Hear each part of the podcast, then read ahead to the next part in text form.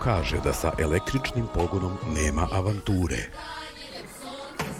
Ko kaže da se avantura prekida radi punjenja? Novi Nissan X-Trail sa e-Power tehnologijom. Jedinstveno elektrifikovano iskustvo koje ne zavisi od punjača. Ćao svima i dobro nam došli u najnovi izdanje Lab 76, izdanje broj 293, treće izdanje posvećeno tehničkim aspektima Formule 1. Eto, posle male pauze smo ponovo tu, sajmovi, zabava, druženje, svega je bilo, ali vaša, nadam se, omiljena ekipa kada je reč o automotosportu se vratila na YouTube nebo i želim da kažem da budete dobri jedni prema drugima, naravno, mazite se i pazite i vozite računa jedni u drugima i da lepo provedete današnje popodne. Četvrtak je, izvjerite što malo kasnimo, ali kao i uvek, ups, e, niste ovo videli, e, šta se dešava? Dešava se da smo nešto jurili neke grafike i tako dalje i tako bliže, a poruka za danas našeg sponzora zvanog Kosmos je budite dobri, ali i ne znam, budite zahvalni što imate dobre prijatelje, na primjer, mi imamo savršene prijatelje, posebno bih se zahvalio trojici ljudi koji rade čudesne stvari, a nisu svakoga dana ovde, mada su mislima sa nama. Gospodin Hasan Bratić, čovek koji nam dozvolja da koristimo njegove fotografije, bez ikakve nadoknade, imamo puna prava, dakle, neverovatno šta čini za nas i šta nam omogućava. Zatim, Anes Begović, gospodin koji nam je tehnički konsultant i čovjek koji nam i tekako pomaže da bolje i mi razumemo aerodinamiku Formula 1 i koji je zapravo čovjek koji stoji iza velikog dela priče koju ćete danas čuti, ako ne i kompletnog. Dakle, Anese, hvala, koga ne prati na Twitteru, zapratite ga, posluću u chat i da ubacim link, s obzirom na činjenicu, moramo Anesa da pretvorimo u balkanskog Skarbsa, a onda Skarbs da postane globalni Anes. Tako da, Anes je hvala na tome, s obzirom na činjenicu da zaista ima puno ljudi koji znaju mnogo toga, ovo je, ja se nadam, i prilika da se jednostavno još više udube u ono što znaju i predstave svoje znanje cijelom svetu. Tu smo mi da se time pozabavimo, pa eto, nadam se da će nastaviti Anes da radi ove nevjerojatne stvari i naravno da nam pomaže kao i gospodin Aleksa Vučaj, čovek koji konstantno nas snabdeva podacima. Običali smo da ćemo tokom ove godine i sa Aleksom sesti i da ćemo raditi sledeću stvar, a to je da ćemo zapravo doći do toga da sa Aleksom vam predstavimo i kako vi možete da analizirate podatke koji dolaze iz Formule 1 i pravite svoje grafikone, nalazite neke stvari koje su zanimljive, zabavne i nadam se delite sa ostatkom sveta, pa nadam se i sa nama kako bismo to prosledili dalje u etari, proširili zabavu i ljubav prema Formuli 1. Tako da njima trojici posebno zahvalnost, ali naravno i celom timu Infinity Lighthouse. Ako se pitate Mada se zastava zapravo ne vidi iz ovog kadra. Otkud zastava Valentina Rosija na stazi? Odmah da vam kažem da je to gospodin Mihajlo Stefanović, poznati kao Miksa, iz 99 yardi, učinio i rekao, ako neko pita, ja sam stavio tu zastavu, treba nam malo boje. Tako da, eto, boja se Miksa ipak ne vidi, ali da znate da je i on neko koga uvlačimo u automoto svet. Šta još imam da kažem? Nemanja Bračko, stigao je poklon, ljudi, limitirana serija, ograničena serija neverovatnog AMG GTR-a Mercedesa i ovo je, ja mislim, jedna od 500 kopija koje postoje ovog tipa, 1 prema 43 model, hvala. Stigao je danas, a pošto je on čovjek Ferrarijevac, ne može da pošalje samo Mercedes, već je poslao i jedan Ferrari, tako da hvala na tome. Koja je ovo godina? Čekaj da ga prepoznamo. Pa dobro, sad već je lako. 2002. je. Da, vazio, Vodafone vreme, Mihael Schumacher i tako dalje i tako dalje.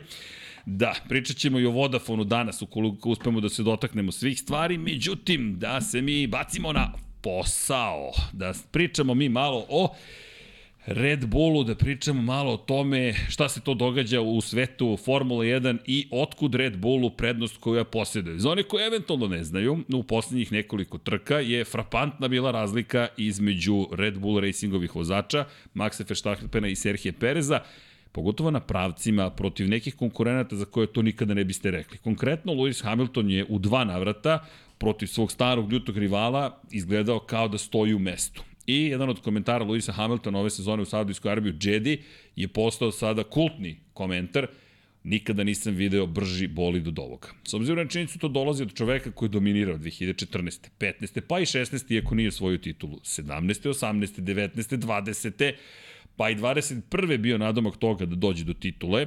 Možemo da kažemo da su to prilično velike reči. Sad, Možda možemo da kažemo, ok, Luise, dok si bio u sličnom bolidu, nije toliko smetalo, ali činjenica je da postoji razlika odnosno na ono što je Mercedes radio, konkretno, pogotovo na pravcu. Čak ni Mercedes u toj prvoj hibridnoj eri i svim osvojenim titulama koje je osvojio 2014. a bukvalno ih je sve osvojio u šampionatu konstruktora, samo jednu vozačku nije osvojio 2021. kada je Max Verstappen bio šampion, može se reći da I ono što je postigao Red Bull ove godine, predvođen Adrianom Neweyem, u drugoj sezoni nove ere hibridne, pošto ovo pre svega je era u kojoj živimo, koja je promeni, promenila pristup aerodinamici. To jest, osnove uvek ostaju iste, ali Adrian Newey napravio čudesan bolid. E sad, da bacimo pogled prvo na podatke i da onda prođemo kroz to šta verujemo sve više, pre svega što mi, što ostatak sveta da se dešava. Još jednom hvala Anesu na svim informacijama. Mi smo mi gikujemo ovih dana, pre svega Anes,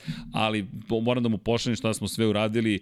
Bansa će vidjeti da je zajedno s nama, a pre nego što krenemo udrite like, naravno share, subscribe i sve ostale lepe stvari. Podržite celu ekipu Infinity Lighthouse-a. Ko želi da nam bude pokrovitelj, patreon.com kroz Infinity Lighthouse ili kliknite dugme join u YouTube-u, možete i subscribe, možete i like, što više subscribera, naravno, bolje za nas, s obzirom na činjenicu da nas onda YouTube bolje gleda algoritam, pa gura, pa neki novi ljudi dolaze u celu priču i sve nas je više i nadam se da je to onda zabavnije. Dakle, da krenemo od podataka, da vidimo o čemu mi zapravo pričamo. I fokusirat ćemo se na trku iz velike, sa velike nagrade Australije, koja je završena nedavno. Prvi grafikon nam prikazuje šta, i hvala Aleksa, Prikazuje nam krug broj 7 za one koji su eventualno propustili veliku nagradu u Australiji, a i za one koji nisu, da podsjetim. To je krug u kojem je prema onome što smo mogli da čujemo, George Russell dobio informaciju Mercedesa da blago uspori da bi dao DRS zonu, pružio DRS zapravo Lewisu Hamiltonu, koji je doveo, došao do toga da je u jednoj sekundi u odnosu zapravo na Georgea Russella i da na taj način može da zapravo prati Georgea Russella i pokuša da pobegne pokuša da pobegne Lewisu Hamiltonu, oprostite, Maxu Verstappen, ovde mi nešto dobacuju sa strane, pa sam potpuno sad se dekoncentrisan, ne znam šta pokušavaju da mi kažu, ali izvinjavam se na tome. Dakle, ajmo iz početka ovaj. Uh, hoćete da pomerite kameru, pošto ne vidim televizor. Molim vas, pomerite kameru, ovde iza kulisa se dešava, čekaj, nećeš videti televizor. Nema veze, fake it till you make it filozofija uvek dobro dođe. Dakle, e sad vidim televizor i šta ću da pričam. Dakle, da se vratim na početak, izvinjavam se još jednom na tome, verovatno će vratiti kadar na mene, pa ćemo da krenemo od nule. Ne, neće, kažu nećemo. Dobro, hvala, tu je koleginici iz prode, tu je Petar, da ih mahnemo, miksa nam je upravo izašao. Elem, obratite pažnju, dakle, grafikom pokazuje krug broj 7. Da ponovim još jednom. Krug u kojem George Russell koji vodi u tom trenutku, nema DRS, pošto nema nikoga ispred njega, je dovoljno usporio da pruži Lewisu Hamiltonu, klubskom kolegiju Mercedesu, mogućnost da bude u DRS zoni i otvori taj čuveni sistem za umanjenje aerodinamičkog otpora. Pričat ćemo i o njemu, ali ajmo da pretpostavimo da razumemo da postoji jedan sistem koji smanjuje aerodinamički otpor i koji može da se koristi, da znamo da postoji takav sistem, a koji može da se koristi kada ste u jednoj sekundi u odnosu na vozača koji se nalazi ispred vas. Imate zone na stazi koje su određene da možete da ih koristite za, to je da možete da koristite DRS u njima i o njima i razgovaramo. Inače, tačkicama belim je označeno gde zapravo je maksimalna brzina, to je gde se otvara i zatvara DRS. Imamo tri linije, Verstappen je prikazan plavom linijom, Lewis Hamilton crvenom, zelenom je prikazan George Russell. Hamilton ima DRS, Verstappen ima DRS u ovom krugu i mi imamo pravo trkanje. Takvo trkanje da je George Russell ekipi Mercedesa rekao, ok, usporio sam, to jest DRS je tu, ali recite mi da li treba da ubrzam, pošto je sada već ovo opasno po njega, što Hamilton što može da ga napadne, što Max Verstappen koji može da napadne i Hamilton i njega. I sad, šta je frapantno? Ok, George Russell nema mogućnost da koristi DRS. Najveća brzina koju je postigao tokom kruga je 298 km na čas aerodinamički otpor je najveći kod njega, kod Luisa Hamiltona koji koristi DRS, najveća brzina je 314 km na čas. Dakle, za 16 km na čas ima veću brzinu odnosu na klubsku kolegu. DRS tome i služi. Međutim, Max Verstappen ima za 28 km na čas veću brzinu na pravcu nam u momentu kada postižu najveću brzinu u tom krugu a on se nalazi iza Luisa Hamiltona i ima pride, dakle, ne samo dakle, DRS, već i zavetrenu, koju takođe ima i Luis Hamilton. Uprko svemu tome, u odnosu na Luisa Hamiltona, za 14 km na čas je brži. Dakle, Max Verstappen i Lewis Hamilton, koji koriste DRS i imaju zavetrinu, su u situaciji da Max Verstappen za 12 km na čas ima veću brzinu u odnosu na Luisa Hamiltona. Čisto da uporedimo stvari, kakva je razlika u celoj priči, mi pričamo ovde o tome da je zapravo 16 km na čas prednost koju je stekao otvaranjem DRS-a Lewis Hamilton, a Max Verstappen u istim uslovima sa podjednako otvorenim DRS-om i zavetrinom za istu tu brzinu ima veću maksimalnu brzinu u odnosu na Lewisa Hamiltona. A ako poredimo sa Georgeom Russellom, Max Verstappen u ovom momentu ima supersonični uh, brod svemirski koji može samo da proleti pored Georgea Russella. Frapantno je koju prednost zapravo ima Max Verstappen, to jest Red Bull na pravcima. Bukvalno je frapantno. Pogledajte još jednom taj grafikon. Maksimalna brzina Georgea Russella je 298 km na čas. S druge strane, brzina Maxa Verstappena je 326 km na čas. Nebo i zemlje. Ljudi, mi ovde pričamo o skoro 30 km na čas većoj maksimalnoj brzini. Za 28 km na čas se on kreće brzo. Ljudi koji, ko, u kojem god takmičenju pričate da se ovo dešava, to je neverovatna razlika. Pri čemu, u ovom slučaju, to je 10 od 100 razlike na najbržoj tački na stazi. Potpuno neverovatno šta su zapravo napravili. I kažem, još frapantniji mi je ovaj sedmi krug kada uporedimo sa činjenicom da Lewis Hamilton ima DRS i ne može ništa da učini. E sad, da se vratimo na moment kada je George Russell otišao na zamenu guma, desila se čuvena, sada ozloglašena crvena zastava i nastavlja se trka. Ajmo da bacimo pogled na grafikon gde se vidi, to je grafikon broj 1 u našem malom sistemu, gde se vidi kada Lewis Hamilton nema DRS, šta može da učini protiv Maxa Verstappena. Je vam poznata ova maksimalna brzina? 298 km na čas. Dakle, Mercedes kao prepisan. 298 km na čas. Jel vidite brzinu Maxa Verstappena? 325 km na čas. Naša pretpostavka je da je taj 1 km na čas nedostaje zato što je Max Verstappen morao da pretekne Luisa Hamiltona i napustio je zavetrinu. Ljudi, plava tamna boja i Max Verstappen Hamilton je svetlo plava, grafikom prikazuje brzine tokom kruga, x osa je razdaljena u metrima, a y osa je zapravo obrtaj u minuti u kombinaciji sa maksimalnom brzinom. To je ne obrtaj u minuti, to je pogrešno potpisano. To je maksimalna brzina. Definitivno nemamo treći, treći indikator na y osi. Dakle, maksimalna brzina je veća za preko 10, za skoro 10%, izvinjam se. Meni je to, blago rečeno, fascinantno. I zato se svi pitamo šta su to uradili u Red Bull Racingu. Šta su uradili? Pa mi se nadamo da ćemo uspeti da vam predstavimo zapravo šta se tu desilo. E sad, da se dotaknemo DRS-a. Ako može, Perin, to je Anesov grafikon koje je Pera perizovao, to je pretvorio je u malo drugačiju sliku, da vidite jedan uzdužni presek zadnjeg kraja bolida Formula 1, dakle bez animacije, samo onaj jedan kadar i o ovome ćemo danas da pričamo. Točak, kao što možete vidjeti, je ispreslicanim linijama nacrtan, zadnja guma, difuzor, dakle deo poda, centralno krila, ovde je prikazano sa dva elementa, beam wing popularni, iako zapravo ima jedan, u Australiji su koristili Red Bullu i u Saudijskoj Arabiji takođe jedan. Telo bolida, da ne kažemo oplata ili ti poklopac motora i delovi zapravo zadnjeg krila. Granična ploča je vertikalna, ima važnu ulogu, površina koja je preuzet po nazivu iz aeroindustrije granična ploča. Pokretni deo zadnjeg krila i DRS mehanizam rade naravno u kombinaciji jedan sa drugim. Kada se aktivira DRS mehanizam, može, može nazad, može nazad.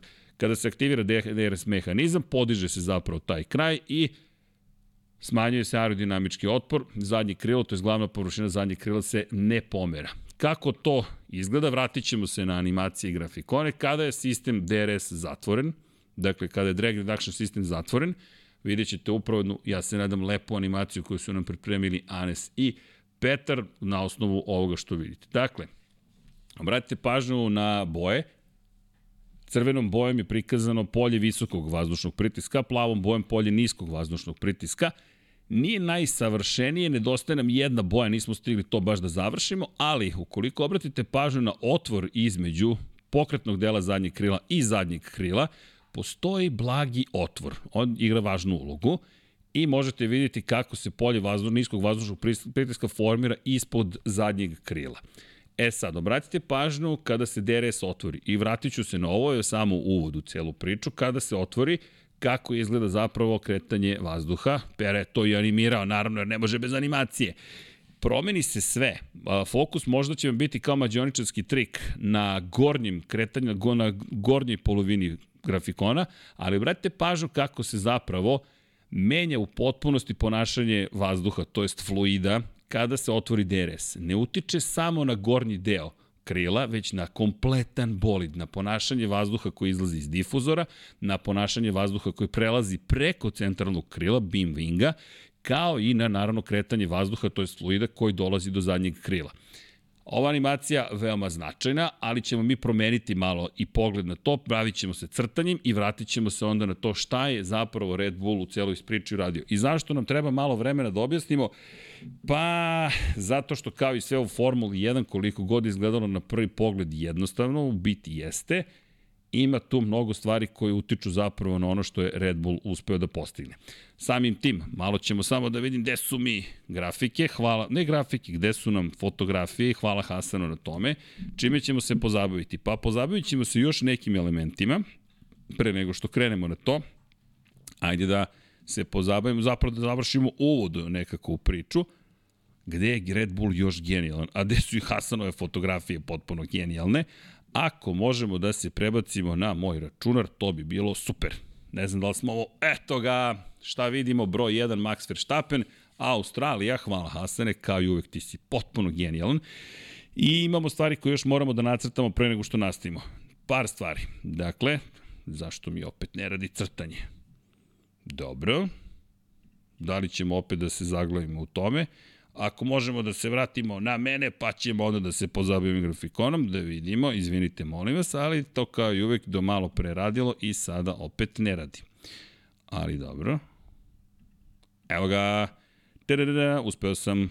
E, ja sam promašio. Gde crtam? E, obratite pažnju na ovaj deo.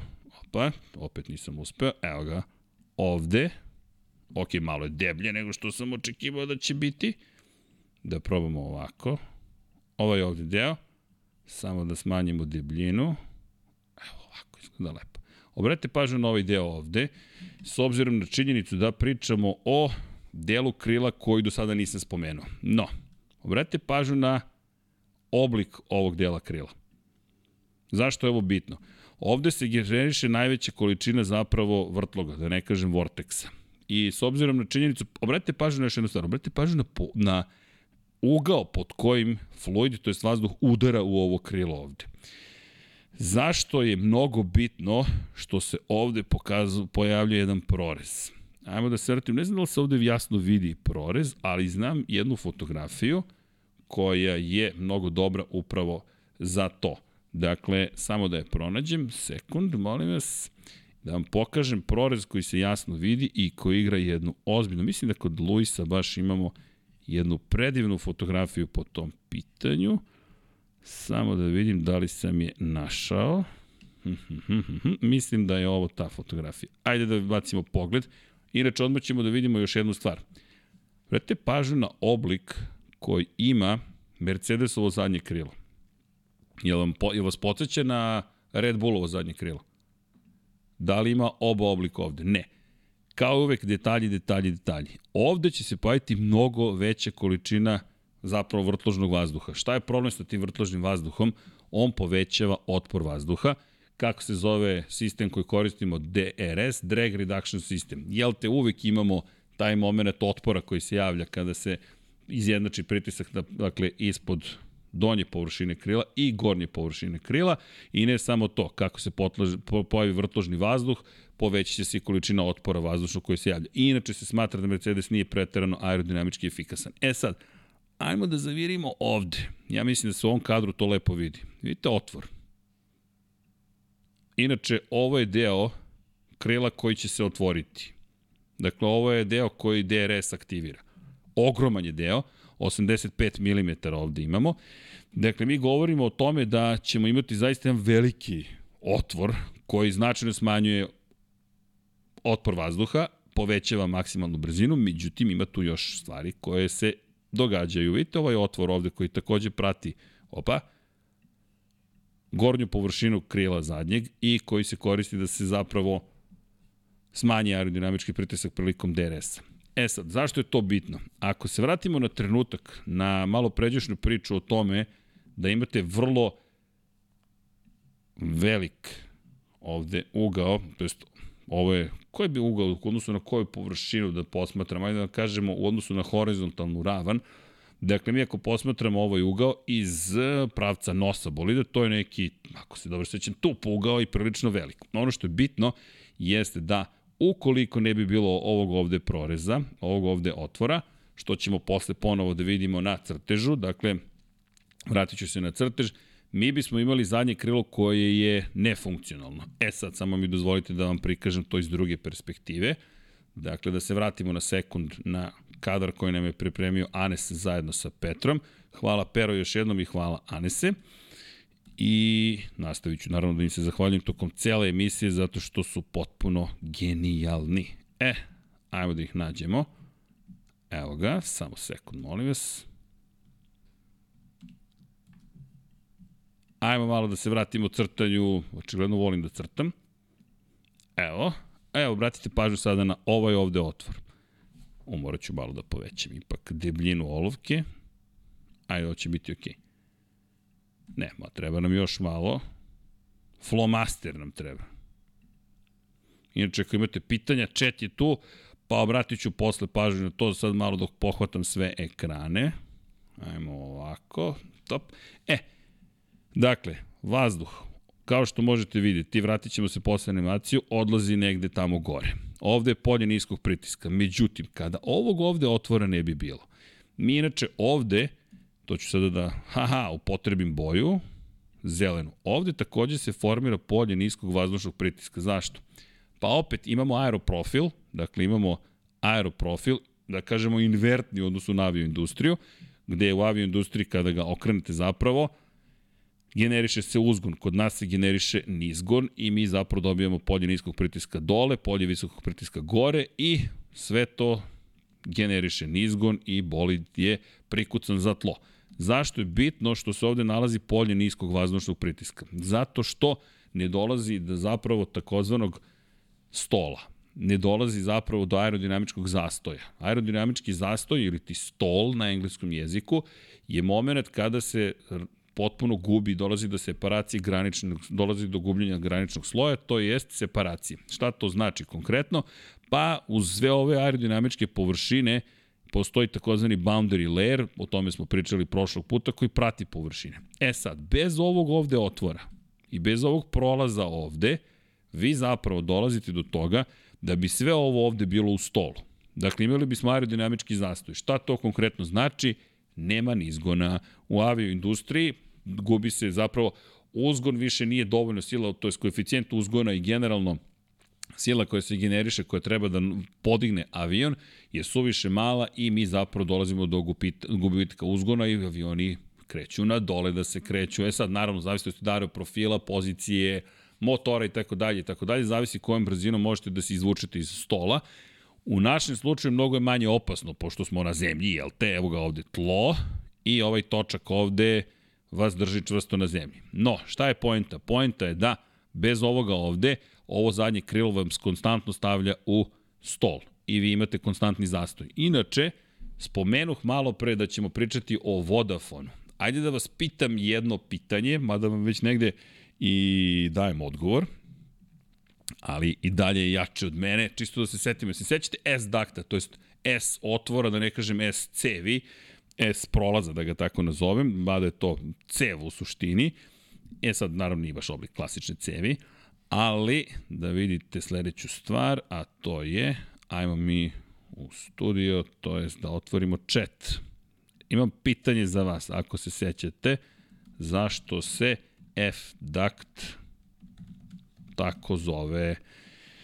E, pa eto, napišite odgovor. Da, F-duct, čisto ako se sećate toga, zašto se tako jeste, evo već ima odgovor, Pavle Mandić zna odgovor, ali dobro, za one koji ne znaju, zove se F-duct zato što je otvor na oplati bolida bio na mestu na kojem piše Vodafone i slovo F iz sponzora Vodafone na McLarenu je zapravo bio tačno na tom mestu gde je F i onda su ga nazvali F Duct. Nema veze sa oblikom slova F, već samo zato što je Vodafone tu pisao.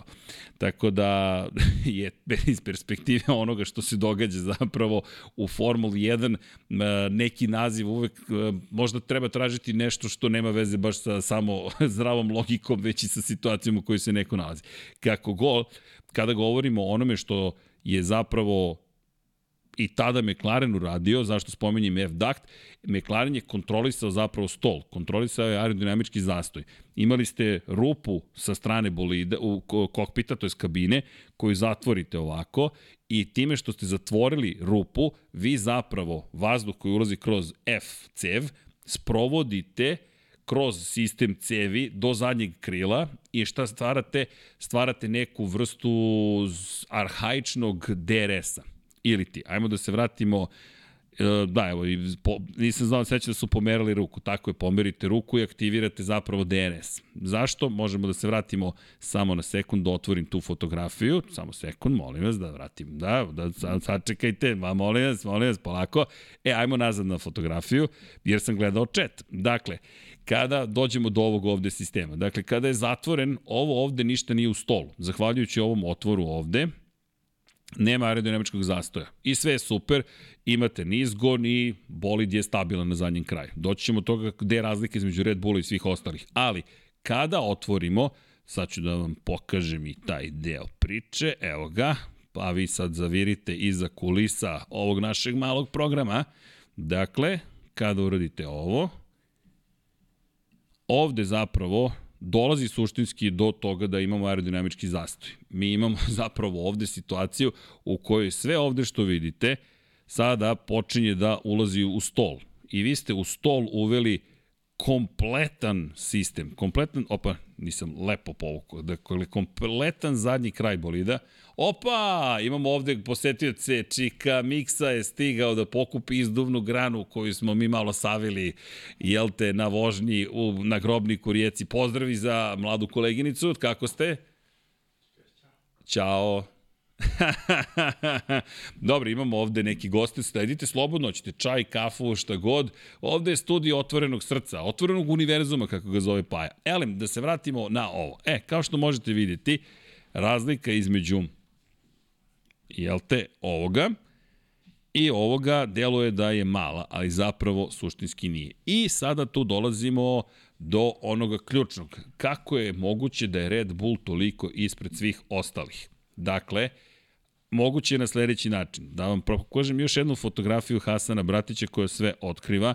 Zašto je Red Bull tu gde jeste? Pa, pokazat ćemo vam još par stvari, ali jedno od ključnih svakako jeste upravo priča o zadnjem krilu i kompletnom zadnjem kraju, a počet ću zapravo, samo sekund da nađem još jednu fotografiju, kao i uvek, počet ćemo od, od, od, samo da vidim koja je adekvatna fotografija, od prednjeg kraja, Zašto? Zato što kod Adriana Njujija ništa nije jednostavno i sve je jednostavno. E sad, pričali smo o zadnjem krilu.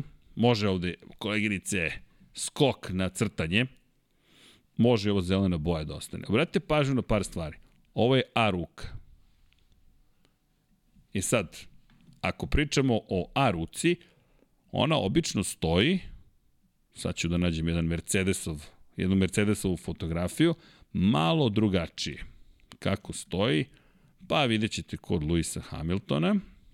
Evo je fotografija, manje imam. Obratite pažnju na ovo. Dakle,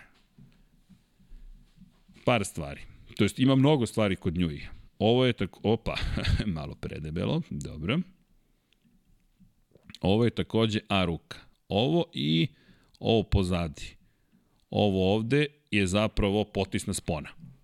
Zapamtite i taj deo, evo ovo ovde grba gde je broj 44, sedmostrukog svetskog šampiona, je mesto gde se nalazi sistem za amortizaciju. Međutim, ako se prebacimo na Red Bull, obratite pažnju na par stvari. Dakle, kod Red Bulla je ovo zapravo A ruka. Dakle, ovde gotovo da je u ravni jedno s drugim. Dakle, mi govorimo o nečemu što ima blagi ugao kada govorimo razlike u odnosu na gornju i donju zapravo donji gornji deo A ruke. Kod Red Bulla to je ekstremno. Obratite pažnju vi koliko je to ekstremno, šta je Njui tu uradio. Sad, zašto je to uradio? Zato što je Njui jedan potpuni genijalac. Inače, ako se pitate gde je ovde potisna spona, nema potisne spone, imate vučne spone i vidjet ćete je ovde. Dakle, ovaj ovde deo je vučna spona. Sistem za amortizaciju ovde dole. Sad, ako obratite pažnju na ovaj deo ovde, kretanje vazduha, obstrujavanje vazduha malo će biti drugačije preko glave ovog gospodina, a ako obratimo pažnju, naravno, vazduh odavde, pa po ovde, pa tamo na bokove Red Bulla, kada govorimo o Red Bullu, ovde će isto prolaziti drugačije, će biti malo drugačije organizovani. Sad, svi smo pričali o tome, pa, dalje potisna spona ili vučna spona nije toliko bitno. Pa, ako pitate nju je, jeste. Šta je ovde postigao? Kao što možete vidjeti, malo drugačije organizovao uopšte gde mu stoji zapravo oslanjanje gornje ruke, donje, prednje ruke, zadnje ruke. I sad kada govorimo o, malo pre sam rekao gornje donja, prednja i zadnja, o tome zašto je ovo učinjeno. Pa ono što pokušava nju i da postigne je da ima vrlo konzistentan nivo nizgona ili promena između momenta kada ima visok koeficijent nizgona i niski koeficijent nizgona da bude što manje. Za kako to veze sad ima sa prednjim oslanjanjem? Pod jedan, ovako, zapravo dolazi do toga, a Čeko Perez je to osetio, to smo zaboravili, a nismo smeli, to ne smemo da zaboravimo, je imao probleme sa nečim što je priroda Red Bulla, to je da se prednji točkovi često blokiraju. Ako se vratimo na malo pređašnji kadar, dakle, i obratimo pažnju na, na ovo što se dešava u, na, na Red Bullu, kada ovako postavite stvari, vi zapravo menjate način na koji će transfer mase da se prenosi na oslanjanje bolida. Zašto oslanjanje bolida važno? Pa sad doći ćemo do toga kad imate snažnu količinu, to je visok nivo, visok koeficijent nizgona, vaše oslanjanje mora da bude kako tvrdo. Kada je oslanjanje tvrdo, dolazi do čuvenog poskakivanja, dolazi do toga da vi imate momente kada donjim delom bolida stalno udarate o tlo, što želite da izbjegnete. Šta je Njuj uradio? Njuj je promenio geometriju zapravo prednjeg oslanjanja kako bi kroz nju zapravo u što većoj meri smanjio tvrdoću prednjeg oslanjanja, a postigao da efekat kao da je prilično tvrdo. Dakle, govorimo sad o transferu mase kroz celu ovo dinamičko vozilo, jer ovo je vrlo jedan kompleksan sistem zapravo. Šta je još postigao? Pa malo drugačiju aerodinamiku i svakako je postigao drugačije pakovanje zapravo mase bolida na prednjem kraju, donji, dakle, koliko god da je možda grama u pitanju, on je spustio zapravo sistem za amortizaciju dole. I još jednu stvar je postigao kroz ovaj ceo sistem, a to je, upa, upali se screensaver, dakle šta je još postigao kroz ovo? Pa postigao je to da svakako ok imaju problem sa blokiranjem prednjih točkova, ali može bolje da kontroliše nizgon duž cijelog bolida. Ako možemo, u stvari mogu da se vratim na Mercedes, hvala, to, to, to, to može. Mercedes ima jedan klasičan ovde sistem. I sad, odatle sve kreće. Kao što možete vidjeti, već na prednjem kraju su stvari drugačije postanje. Što i kada je reč o ponašanju bolida, što i kada je reč o aerodinamici, što kada je reč o tome kako je masa postavljena. Idemo sada, samo da nađem tu fotografiju, dakle, na fotografiju koja nam otkriva nešto drugo, a to je, e, možemo sada ponovo nazad na crtanje, a to je zapravo zadnji kraj bolida pozabili smo se, obratite pažnju, dakle, ne, ne šalim se, ovo je, ovo je deo koji zapravo prenosi silu, dakle, to je ta vučna spona, kada točak udari gore, vuče točak sistem za amortizaciju. Vrlo jednostavno, ali kažem, dosta toga ima. I sad možete vidjeti, ovo je ta A ruka zapravo, koliko je prednji kraj, htio malo pre rekao gornji. Pa gornja je površina, ali ona napred i pozadi, to je poenta cele priče. E sad, pogledajte donju A ruku, klasična A ruka prilično. Šta se međutim ovde dešava? I ovde ćemo malo da povećamo kontrast, ajmo da Tools, Adjust Color, Exposure. Hasane, nemoj da se ljutiš što ti uništavam fotografije. Kontrast malo da pojačamo, možda za crtanje trebalo bi ovako da bude ok. Par stvari. Dakle, i sad, evo ga Beam Wing, ne znam da li vidite, jedna površina u Australiji, ovde imamo onaj ogromni difuzor. Inače, obratite pažnju na krajeve difuzora i obratite pažnju, na primjer, na McLarenov difuzor. Sve je u detaljima kod Red Bulla. I još jedna bitna stvar. Jer se sećate priče o vorteksima? Ovde se generišu, je li tako? To jest idu na gore, ali ne, u stvari ako se udaljim, moći ću lepo to da nacrtam. To možete na često na kiši da vidite, kako se generišu zapravo vrtlozi ovde. Evo je rupa, otvor, dakle, koji ne dozvoljava zapravo da dođe do aerodinamičkog zastoja ovog krila samog po sebi i imate zakrivljenost zadnjeg krila. Opet, šta postiže time? Smanjuje aerodinamički otpor, poboljšava ponašanje prilikom generisanja vorteksa, smanjiće njihovu silinu, opet smanjuje otpor. Sve se kod njuja dešava s razlogom, što kažu. E sad, ako ovo je izduvna cev, klasična koja po zakonu FIE kaže mora da postoji jedna. Nekada davno on je sprovodio gasove ovde, ali to je neka druga priča koju stalno spominjem jer sam potpuno dušenim kako je to rešio. Elem, ogromni difuzor, pa sada srednje krilo, pa glavno krilo, zajedno sa površinom koja se pomera. To je ovo gde piše Oracle za 500 miliona dolara, da ne kažem pola milijarde na 5 godina. Not too bad, evo ih u Lab 76. Dakle, zato su i platili, zato što će biti svugde. E sad, šta se događa? Ovo ovde, kada je sistem zatvoren, dakle, radi po onom principu koji smo malo prevideli, ako može, molim vas, još jednom crtež, to je animacija, Dakle, cijel ovaj sistem radi vrlo skladno i kroz krivine kad je zatvoren DRS. Kad je zatvoren DRS, dakle, skladno radi, sve funkcioniše, ništa nije u stolu, nema aerodinamičkog zastoja. E sad, ako možemo nazad na ovu fotografiju. Zašto se sada Red Bullov sistem zove zapravo sistem trostrukog DRS-a? Pa mislim da već možete sami da vidite, ali ja ću da ponovim ono što, su, što je već zaživelo u svetu, Ova je ovde, ova površina, kada se otvori, to vam je DRS broj 1. Ne, ipak je lepše kad je ciklama boja na ovim bojama. Dakle, ovo je DRS broj 1. Pošto ova ovde krila, srednja krila, takođe ulaze u aerodinamički zastoj, da ne kažem stol, vi imate ovde broj 2, dakle, nestaje, smanjuje se aerodinamički otpor, ovaj čovjek je potpuni genije, i onda, pošto se sve to dešava, u interakciji ova tri sistema i ovaj ovde sistem ulazi u aerodinamički zastoj i samim tim dolazite do toga nizgona nema. Šta to znači? Otpor vazduha na zadnjem, to jest nizgon će biti na zadnjem kraju minimalan, ali pošto ste na pravcu, to vas ne potresa previše. I pride, pošto sada imate sistem koji tako skladno funkcioniše jedan sa drugim sa trećim, vi imate kompaktan zapravo efekat celog zadnjeg kraja koji utiče da kada otvorite DRS dođemo do toga da Max Verstappen ima 28 ili 27 km na čas više zapravo u odnosu na ono što imaju njegovi konkurenti. Ako možemo još jednom da bacimo pogled samo na dakle, fotografiju, dakle, kao što možete vidjeti, to je jedan prelep sistem koji su, mogu ovo i da sklonim, da napravimo sve u istoj boji, napravili u Red Bullu. Zašto to drugi nisu radili? Pa zato što ima tu još stvari na koje to, na ko, o kojima moramo da pričamo. I vratit ću se sada na zadnje oslanjanje. Čujte, imamo priču o aerodinamici, ali imamo priču kako o tome šta je sve nju, nju ispakovao u ovaj zadnji kraj. I prednji, kao što ste malo pričuli. Ovde je šta? Ako se sećamo svi, pa kada točak udari ne, u neku neravninu, on, jel te, potisne ovu sponu, a onda sistem za amortizaciju se nalazi ovde. Čak mislim da možemo i da ga nazremo. Haha, rocker arms i sve ostalo. U svakom slučaju, zašto je to bitno? Zar ova masa ovde nije loša, zato što je ona više postavljena? Pa, zahvaljujući tome što je nju i pomerio ovaj sistem za amortizaciju ovde, ovde se oslobodio prostor.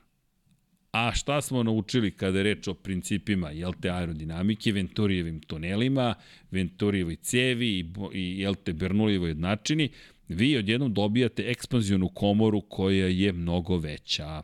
Jedan od razloga zašto se veruje da Aston Martin ne može u potpunosti da kopira Red Bull jeste zapravo ingenioznost Adriana Newija, koji je prozamenio zamenio stvari čovek. Čovek je uzeo i preselio nešto što se koristi pozadi, a to je zapravo ova vučna spona i vratio nazad potisnu sponu koja se koristi uglavnom napred. Šta je, zašto je to učinio? Da poveća aerodinamičku efikasnost svog bolida i ne samo to, već time što je to učinio da omogući sebi, to jest i svoj timu inženjera, da bolje kontrolišu kako se nizgon menja od deonice do deonice na stazi. Dakle, čovjek je potpuni genije i kada se priča o Njuju, treba uvek gledati iz kompletne sisteme. Čovek je jednostavno toliko dugo u Formuli 1 i toliko je genijalan i ako pročitate njegovu knjigu, još je nismo preveli polako, ali možete da čujete koliko on priča o harmoniji bolida i o tome kako prednji kraj utiče na zadnji kraj i obrnuto i zapravo interplay svih tih elemenata zajedno kako funkcioniše. Tako da, a ovo su samo neki od delova koje smo do sada uspeli u dobre meri da rastumačimo. Anes pre svega, dakle hvala, vratit ću se ponovo na animacije, ali ljudi, to je, ovo je suština tajne Red Bulla u tome da su oni napravili jedan kompletan bolid. I ta osnova prošle godine kako je postavljena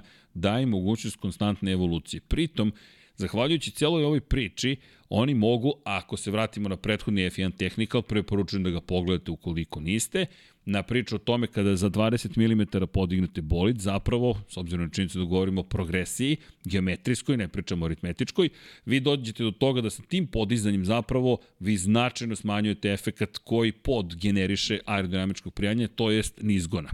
I kada sad sve to stavimo u akciju sa ovim što smo danas videli, prednji kraj, zadnji kraj, dođemo do toga da na pravcima oni imaju raketu. I ne, nije samo do Honda, Honda je odradila sjajan posao, ono što je bilo bitno, Njui kada je počeo da radi sa Hondom, je radio na pakovanju motora. Inače, Honda ima split sistem turbo.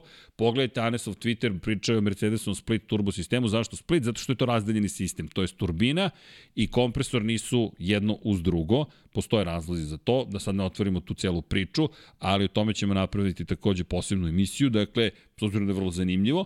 Ali Honda, je napravila odličan motor, napravila je motor koji elektronskih posmatrano je vrlo, vrlo, ajde ne znam li je efikasan pravi naziv, ali precizan, mislim da je to najbolje. Kada je reč o tome kako se MGUK, MGUH i motor sa unutrašnjim sagorevanjem dopunjuju i kombinuju, uz ovo što je Njui napravio, vi dođete do toga da zapravo Red Bull ima tu jednu neverovatnu prednost. I da, Lewis Hamilton je delimično u pravu, možda nikad nije video taj bolid, možda zato što nije sedeo sa strane da vidi sebe kako vozi, ali to nije kritika ni Lewisu Hamiltonu ni Mercedesu, već pokazate šta su i oni napravili, šta je sada Red Bull napravili koliko je to teško zapravo postići. Inače, ovaj bolid posmatran jeste po kiši, ali suština je ista i polid jeste Serhija Pereza, nije Max Verstappen na ovome što smo crtali. Međutim, ono što hoću da kažem jeste da je Red Bull zaista napravio nešto što je teško kopirati. Dakle, vratit ću se još jednom na ovu fotografiju.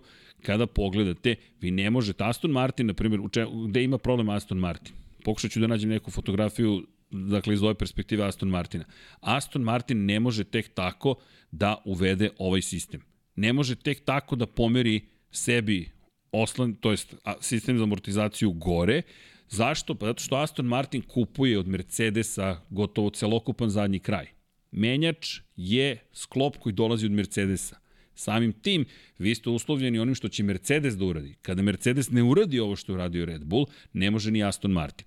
Šta se još dešava? Zato što su tako napravili zadnji kraj, manji će im biti difuzor. Tako da Red Bull ima već prednost. Naravno, uvek postoji u Formuli 1 još neko polje koje će se otkriti, pa će neko naći način da se približi Red Bullu, ali iz perspektive onoga što su učinili sa DRS-om, došli su do jednog nivoa koji će ostali teško pratiti. Tako da moraju da traže rešenje negde drugde. Aston Martin je odličan u krivinama svakako, ali ja moram priznati onako da kažemo, štreberski sam potpuno oduševljen šta su napravili, pri čemu kada pogledate sve da zvuči tako logično, zaobljenje gornjeg, pogledajte još jednom ovo zadnje krilo. Dakle, mi možemo još jednom da pogledamo kako je zaobljenost. Pogledajte zaobljenost.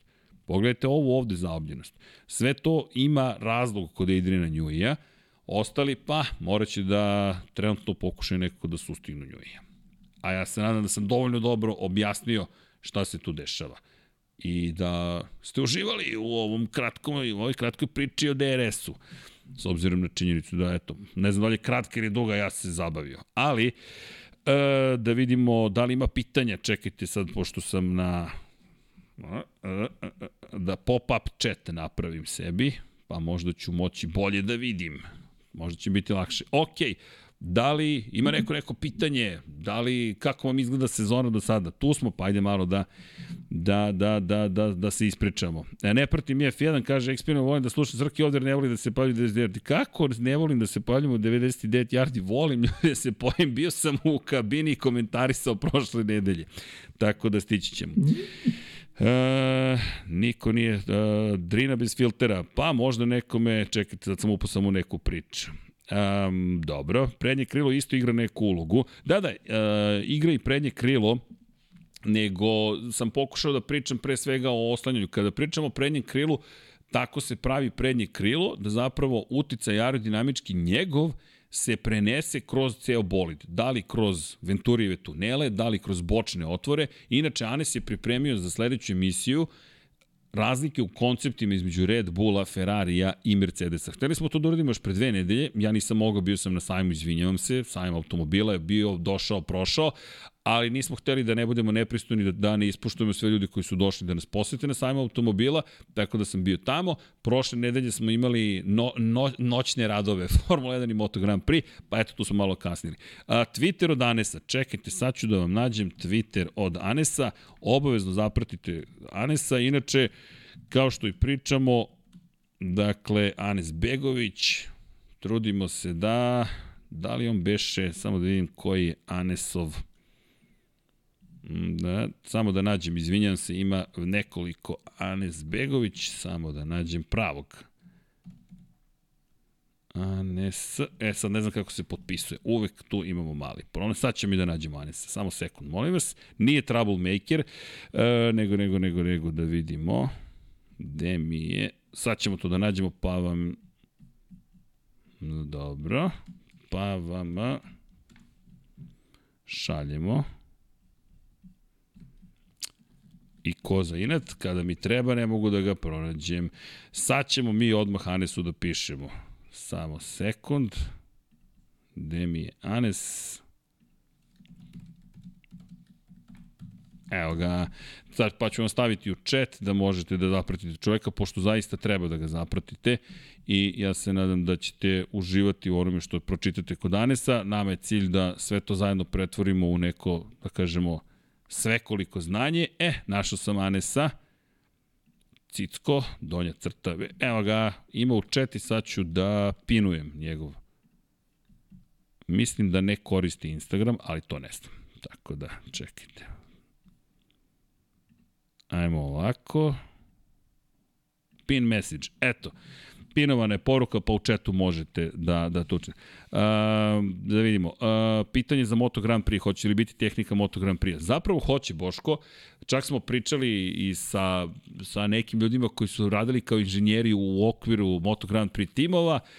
Pokušat ćemo da se organizujemo, samo da vidimo kako da se iskombinujemo, pošto tu sad pričamo o jednom gospodinu iz Holandije koji ne zna srpski jezik, ne zna naš jezik i ne znam kako da sad to izvedemo, a da to ne bude kao da je još jedan podcast koji dolazi iz inostranstva. Nemam ništa protiv podcasta iz inostranstva, naprotiv, ali ideja nekako za sve one koje eventualno ne poznaju dovoljno dobro, da li holandski, da li engleski, italijanski, nemački, da imaju priliku da čuju na jeziku koji razumeju, nešto sad kako god, koji god je da jezik, da li je hrvatski, bosanski, da li je neki treći, četvrti, osmi, peti, potpuno je nevažno, nama je bitno da se mi međusobno razumemo, ali činjenice da u toj situaciji taj podcast nekako postaje više međunarodni, i ovo je međunarodni, ali nekako za ekipu koja dolazi s ovih prostora, pa eto to pokušavamo nekako da očuvamo, da ne bude samo, e, ajmo na engleski zato što će biti, ne znam, više gledalaca. Možemo, ali nije to pojenta cele priče. E, moram malo da se odaljim da bih mogao da pročitam. kako da pratim vaš prenos Formula 1 iz Hrvatske? Uf, ne znam zaista kako da pratite. Uh, EON, eventualno platforma, ako imate, ne znam da li ima, postoji mogućnost izbora jezika, to stvarno ne znam. I to je jedino što mi pada na pamet. Postoje verovatno alternative koje ja ne bih ni smeo ni mogao da promovišem, pravna služba bi me kontaktirala istog trenutka, ali možete sami da, da eto, pretpostavite. A, znači, Red Bull zadnji kraj je nestabilni kad je otvoren DRS, ali s obzirom da je DRS na pravcu, tim ne gubi ništa. Tako je, Adine. S tim što? S tim što? S tim što? Šta je još postiga u celoj priči njoj. Njoj je postigao zapravo da i te kako ima, dok ne dođe do stola na zadnjem kraju, zapravo pod i dalje igra ozbiljnu ulogu kada je reč o, o tom efektu. Jer najniže polje niskog pritiska se nalazi tamo gde je otprilike vozač. Tako da je taj centralni deo i dalje zakucan praktično. E sad, gde nastaju problemi? Nastaju problemi upravo na kočenju, to ono što smo videli sa Perezom, to je ono što se dešavalo i Maxu Verstappenu. Max koji je prošle godine se žalio na podupravljivost bolida, dakle tendenciju bolida da nastavi pravo i, i, i ne može da skrene, što je bilo povezano i sa Pirelijevim gumama. Konstrukcija ove godine promenjena Pirelijevih guma, pa mu više odgovaraju, ali generalno kada pogledate probleme koje imaju na kočenju, tu se, tu se javljaju problemi, na primjer, za Red Bull, zato što prenos masi, generalno transfer mase, to jest sila, kroz bolid je tako organizovan da bude zapravo što, neću reći neutralniji, ali kada je reč o nizgonu, da zapravo bude što na neki način kontrolisaniji. Ali, uh, ko je Adrian Newey Mercedesu? Hm. Ko je Adrian Newey? Trenutno, trenutno ga nemaju. Mislim da nikada nije postojao Adrian Newey u Mercedesu. Mislim da je postojao jedan fantastičan tim ljudi, teško je organizovati tim. Šta je prednost i mana Adriana Njuja?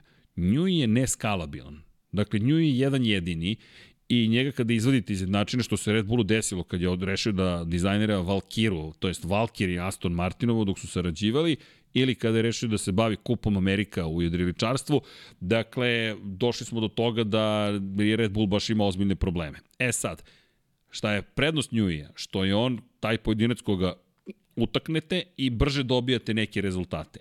Ali, kada imate tim, inače nju i ne voli komitete, ne voli da to se to je to je dosta vojnička struktura. Neću je nazvati diktatorskom, jer tu su svi svojvoljno. Ali nju je čovek koji je vrlo jasan po pitanju piramide i o tome ko je zapravo odgovoran kome i kako se autoritet delegi, to je kako funkcioniše autoritet. Postoji piramida i to je vrlo jasno kod Njuija. Nju je otišao iz McLarena zato što ne voli komitete, to uvek pričamo. Dakle, to je njegov stav bio. Ne želim da 10 ljudi odlučuje o tome da li ćemo primeniti nešto novo na bolidu ili ne. Njegova je poslednja i prva. I kao što vidite, titule dolaze. Tako da Njui ne postoji u Mercedesu. Imali ste Pedija Lova, imali ste Jamesa Ellisona, imali ste dosta ljudi, kako, koga smo, ko je sve otišao u poslednje vreme.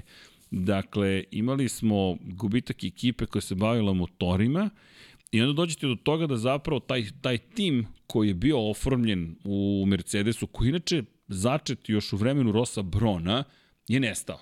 I sad kako ga zameniti? Ne znam. E, malo van teme, pa i nije toliko. Koga vidiš kao naslednika Adriana Njuje? Ja još uvek ne vidim naslednika. Ja zaista ne vidim da dosta se... E, se sećate Petra, Petra Promodro, Promodrova, koga su spominjali kao čoveka koji će da nasledi, da će da preuzme ulogu Njuja. Pa je James Key bio čovek koji će to da promeni. Pa smo imali Greena, pa smo imali koga smo još imali, koga su takođe spominjali. A Ferrari imao jednu prilično moćnu ekipu svoje vremeno i ne treba ih zaista zaboraviti, ali činjenice da Njuji time što je išao od ekipe do ekipe osvajao titule baš teško zamenjen. Da li mislim da ke, ima keca u rukavu Mercedes? Mm, ne znam, znate šta je, moje mišljenje je da je Mercedes u ozbiljnom problemu. Jer u Australiji, na jednoj čudnoj specifičnoj stazi, bolid je bio konkurentan.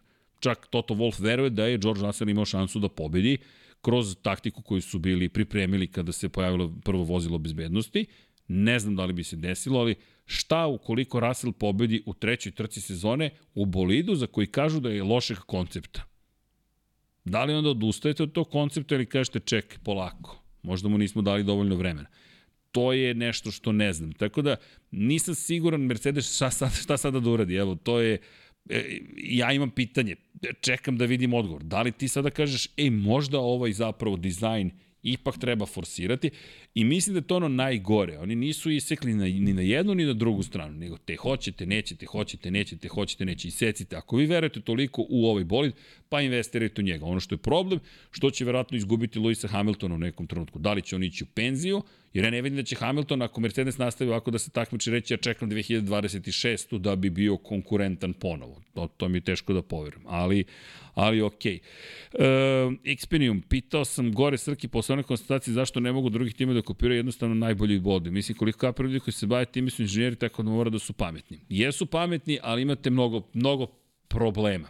Prva stvar, uvedeno je ograničenje budžeta. Kao u NFL-u imate cost cap, dakle 140 miliona dolara vam je na raspolaganju za, ne za sve, plate vozača, na primjer, u to ne ulaze, ali da biste mogli da napravite, morate to da proizvedete. E sad, nisam, ne znam da li postoji miskoncepcija o tome kako, koliko su veliki timovi Formula 1 i koliko ljudi radi u tim fabrikama.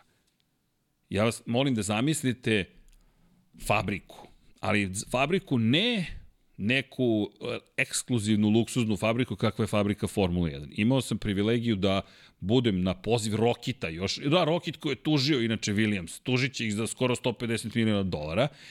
E, za lažne za obmanu zapravo, da su rekli da će bolid biti konkurentniji nego što je bio i da su zapravo negativno uticali na imidž Rokita i tako dalje i tako dalje. Kako god se to završilo, Rokit je bio neko ko je nama otvorio vrata, sticem čudnih okolnosti, ljudi koji su zapravo uznici distributeri Rokit telefona za teritoriju Balkana, su ljudi koje mi poznajemo i koji su rekli, ej Srki, hoćete da idete da snimate muzej Williamsa i fabriku Williamsa? Ma, molim, i bukvalno i hvala im na tome. Inače, zahvaljujući njima sam imao priliku da bukvalno budem na terenu Los Angeles Chargersa za vreme utakmice protiv Minnesota Vikinga. Zašto? Zato što je Rocket u tom momentu bio sponsor LA Chargersa i Williamsa. Elem, ljudi, ta fabrika izgleda zaista kao da je budućnost tu, sada. Ali, i ja vas molim da, da da zamislite fabriku koja je manje luksuzna. To je dalje fabrika. Neko mora da fabrikuje nešto. Napraviti te delove, sklopiti ih u funkcionalnu cijelinu, proći testove za izdržljivost i bezbednost je ozbiljan proces. Tako da, reći, ajmo samo da kopiramo, mogli su najbogatiji timovi, dakle kada su, nije bilo ograničenja budžeta, sada je to promenjeno, ali čak ni oni ne mogu tek tako da urade kopiju. Još jedna stvar, mi ovde govorimo o ultra brzim bolidima, dakle najsporiji bolid Formula 1, čak i u Minardijevo vreme da se vratimo, pre 20 godina je bio brz. Ali mi ovde govorimo o nijansama.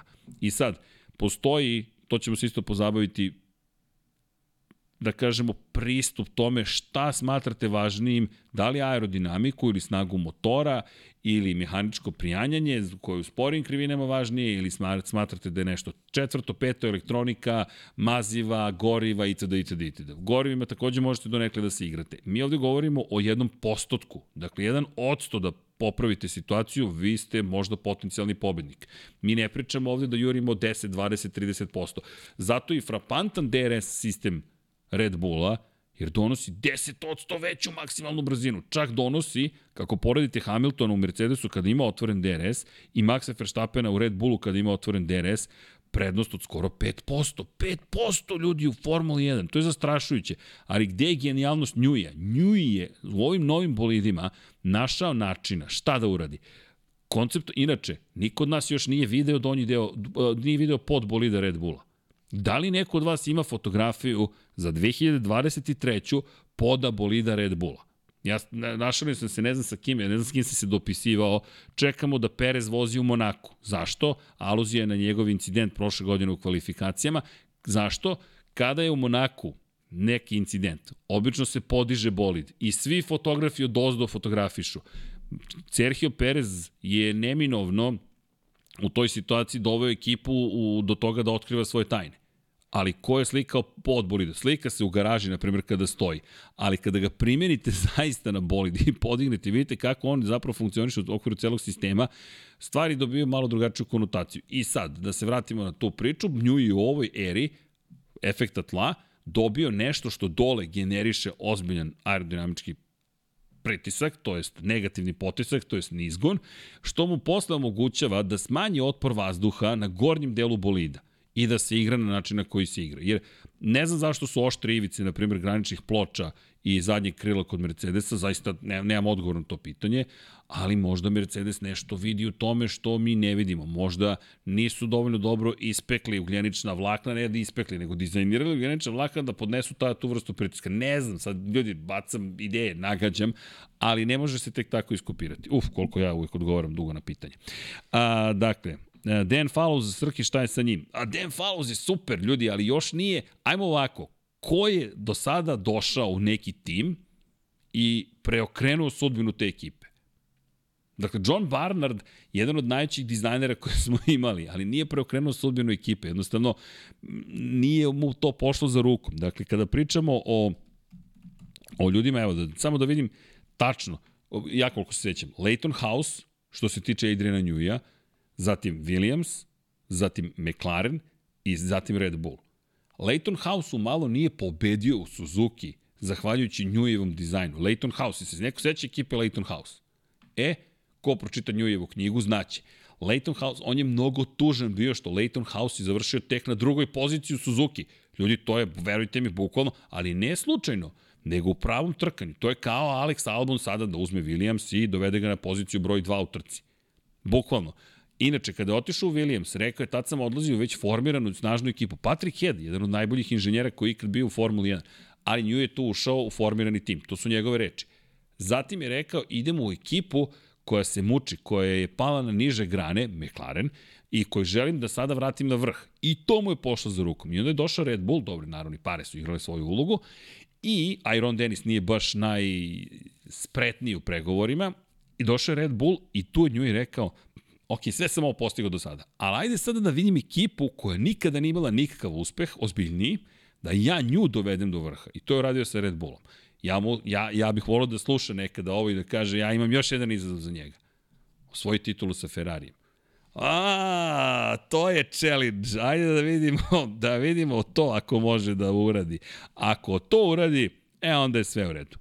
Mislim da nema potreba nikome ništa da, da, da, da dokazuje, ali, ali, na primjer, Gordon Murray. Eto, Gordon Murray, ljudi, to je legenda Formule 1. No, da pokušam da odgovorim na više pitanja. A, dakle, inače, mm, udrite like kad ste već tu u poseti, da, da podržite celu ekipu. Uh, čekaj, čekaj, čekaj, čekaj, čekaj. Uh, uf, dobro, vi se lepo dopisujete, to je dobro. Da, vratio se James, Jackie the Boss kaže, pretpostavljam Jamesa Ellisona, vratio se. A, meni deluje da Mercedes izgubio radne površine svojim zero pod konceptom, iako je smanjio drag, pa zato nije toliko kompetentan. Pavle, evo sad smo pričali o tome, ne znam kada ste se uključili, ali samo zamislite sledeću situaciju. Mercedes Ja zaista kada smo pričali o potisnim sponama i vučnim sponama pred početak nove ere, sam pričao na nivou statistike. Poslednji put kada je McLaren odlučio da menja gde su mu potisne spone, gde su mu vučne spone, je imao ozbiljne probleme. To je bio prelazak iz 2012. u 2013. Inače, to je godina kada uzmete podatke u kojoj je McLaren bio dominantan kao bolid. To je najdominantniji bolid koji nije osvojio titulu u poslednjih 20 godina, mislim. Ali okej. Okay. I sad, šta se dešava? Dešava se da zapravo ovim, ovim konceptima koje je uveo nju i pogotovo na zadnjem kraju, oni ne mogu zapravo da odgovore ne samo kada je reč o onome što vidimo, nego onim što ne vidimo. I tu leži baš genijalnost Adriana Njuje. To je moje mišljenje, naravno. U prošlom Lab 76 F1 dosta se govorilo o pravilima takmičenja. Da li možete da pišete organizatorima predloge, nikad se ne zna, možda je nešto uspio, naravno treba biti uporan i dosadan. Marković, Dakić, dakle, znate šta? Možemo da pišemo da nemamo baš takav odnos u Formuli 1 ni sa kim, u Dorni imamo, pa gnjavimo ljude u Moto Grand Prix, ali što ne bismo gnjavili ljude u Formuli 1. I slažem se, ko zna, možda neko i odsluša. Nemanja Bračko kaže jedno pitanje, znali se zašto se diametralno razlikuju zadnji spoiler na Mečki i Astonu? ali safety car, kod Mečki imaju dva krila, dok Aston nema imali propis za SC. Ne znam, moram da se raspitam, ali mislim da je to samo konstrukcija zapravo njihovih sportskih verzija automobila. Tako da, pitaću. Moram da kažem da proverit ću, pročitaću da li postoji, ja mislim da to samo komercijalno šta žele da reklamiraju. Nemanja Vučićević, Ellison James. Pa, da li je James Ellison čovek koji je Adrian Newey? Razumete? Ne znam. Ja mislim da možemo da pričamo da bi on mogao da bude ključna ličnost u ponovnom formiranju tog tima, ali ovo što Njuj radi je neverovatno. E, Nemanja Vučićević, šta je uzgon i šta je nizgon? Pa uzgon je zapravo, ajmo ovako, Čekajte da pokušam da vidim da li imamo sa prethodnog podcasta, da li imamo, a nemamo. Ajde, to bismo isto mogli da se pozabavimo, e, da se pozabavimo time. Dakle, e, kada govorimo o uzgonu, to je sila zapravo, to je, kako beše, ne mogu da setiti sa tačnog terminologije, ali imate koeficijent uzgona, imate uzgon. To je sila zapravo, koja deluje normalno na površi, kako beše, e, pod uglom od 90 stepeni svakako u odnosu na horizontalno, to jest u odnosu na kretanje vozila, to jest aviona u ovom slučaju. Dakle, uzgon je ono što podiže zapravo avion. Bukvalno podiže avion. Nizgon je negativni uzgon, nekad se zvao negativni uzgon, Nizgon, ja, ali ja sam dosta stariji od ove generacije ljudi koji studiraju na mašinskom fakultetu dok sam bio na studijama u, na mašincu, Nizgon, koliko se ja sećam, se koristio samo kod hidrodinamike, to jest kod kolega koji su se bavili pre svega brodovima. I govorilo se o plovnosti, dakle, to je ono što se ja sećam o, o, o, o nizgonu iz tog perioda. Sada se nizgon koristi za negativni uzgon, ili ti. Um, ajmo da prikažem, može grafikon, uh, grafikon, ne, sad ću sad smislim, imam ideju, čekajte, dajte mi sekund, imam ideju kako da vam pokažem ovo, a da bude legalno, pošto mi ne koristimo tuđe fotografije i ne volimo da radimo ništa što, za šta nemamo prava. Mm. Ajmo ovako, da probamo ovu fotografiju da okrenemo za... Sad ćemo da je rotiramo. E, okej. Okay. Može e, prikaz ovde, molim vas. Dakle, ovo je bolid Formula 1. Ajmo da okrenemo naopački. Ovako obično izgleda profil avionskog krila. Kada govorimo o uzdužnom preseku, dakle kada govorimo o preseku krila. Poprečni, vjerojatno bi to mogao da bude presek iz ove perspektive. Ok, i sad, vi želite, pogledajte samo avionsko krilo. Dakle, možda je ovo ovde najbolje. Ajde da ga uvećamo. I mi sada ovde, mada ovde je lepši crtež, šta dobijamo? Zahvaljujući obliku aeroprofila, Dakle, način na koji je oblik napravljen, poprečnog preseka, dakle, kada dođemo do fluida, a dolazimo tako što se, opa, izvinite, tako što se krećemo, jel te, zašto se sad ovo pojavilo, ne znam. Dakle, mi se krećemo u ovom smeru. Šta to znači? To znači da se fluid, to jest vazduh, u odnosu na sistem kreće ovamo. I dolazi do toga, ajmo ovako, da se taj vazduh podeli, jel te? ovde se formira polje visokog pritiska, ovde polje niskog pritiska. Samim tim ta razlika u pritiscima dovodi do sile koju mi nazivamo uzgon. Ovo je pojednostavljena stvar. I taj uzgon je zapravo ono što omogućava avionima da lete. E sad, ako ja ovo okrenem i prikažem ovako, šta smo dobili? Nizgon, to jest negativni uzgon. Dobili smo silu koja pritiska bolid na dole. I zato ono čuveno pitanje da li bi bolid u tunelu ako bi se kretao dovoljno brzo mogao da zalepi za plafon. Pa teoretski bi mogao. Dakle, mogao bi i zahvaljujući činjenici da bi pobedio silu gravitacije koja bi u tom slučaju, pošto bi on se kretao, jel te, izvinite, naopački bi stajao, dakle, kreće se ovamo bolid, ovde je plafon, jel te, šta nas vuče na dole, pa sila zemljine teže, ali ako je ova ovde sila, negativni nizgon, dakle, uzgon dovoljno velika, mi bismo bili zalepljeni za plafon. Eto, nadam se da sam, da sam uspeo to da opišem što jednostavnije. Da vidimo koje još pitanja postoje. Tako da, eto, nadam se da sam, da sam uspeo to da opišem. Ako nisam, recite, pa ćemo da probamo ponovo. Uh, čekajte, čekajte, tu smo Srki od početka, Pavle Mandić, pozdrav. Uh, Srki, kada će sklapanje tog McLarena? Uuu, pripremamo sklapanje McLarena, danas je Miksa pristao na to i napravit ćemo specijal koji će se zvati sklapanje McLarena, ali znate šta će to da znači? To znači da ćemo da prođemo celu istoriju McLarena dok budemo sklapali McLaren iz 2022. Ja se nadam da je, da je to u redu.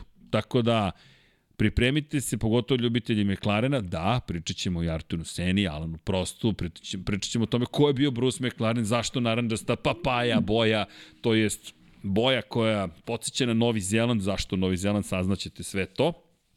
Dakle, i evo, Pavle Mandić, ako Formula 1 po plafonu, da li onda ima uzgon ili nizgon? Pa kao što rekao, negativni nizgon.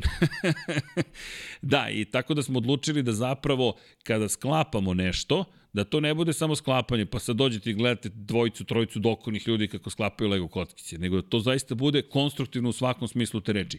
sklapamo nešto i o tom nečemu pričamo. I pričamo iz perspektive naših emocija, sećanja, uspomena, iz perspektive istorije i ne brinite, pripremit ćemo kolekciju fotografija nekih najupečatljivih trka McLarena, vozača, šampiona i o tome, naravno, ovaj McLaren šta to nas čeka. I šta misliš o najama saradnje Cosworta i McLarena 2026.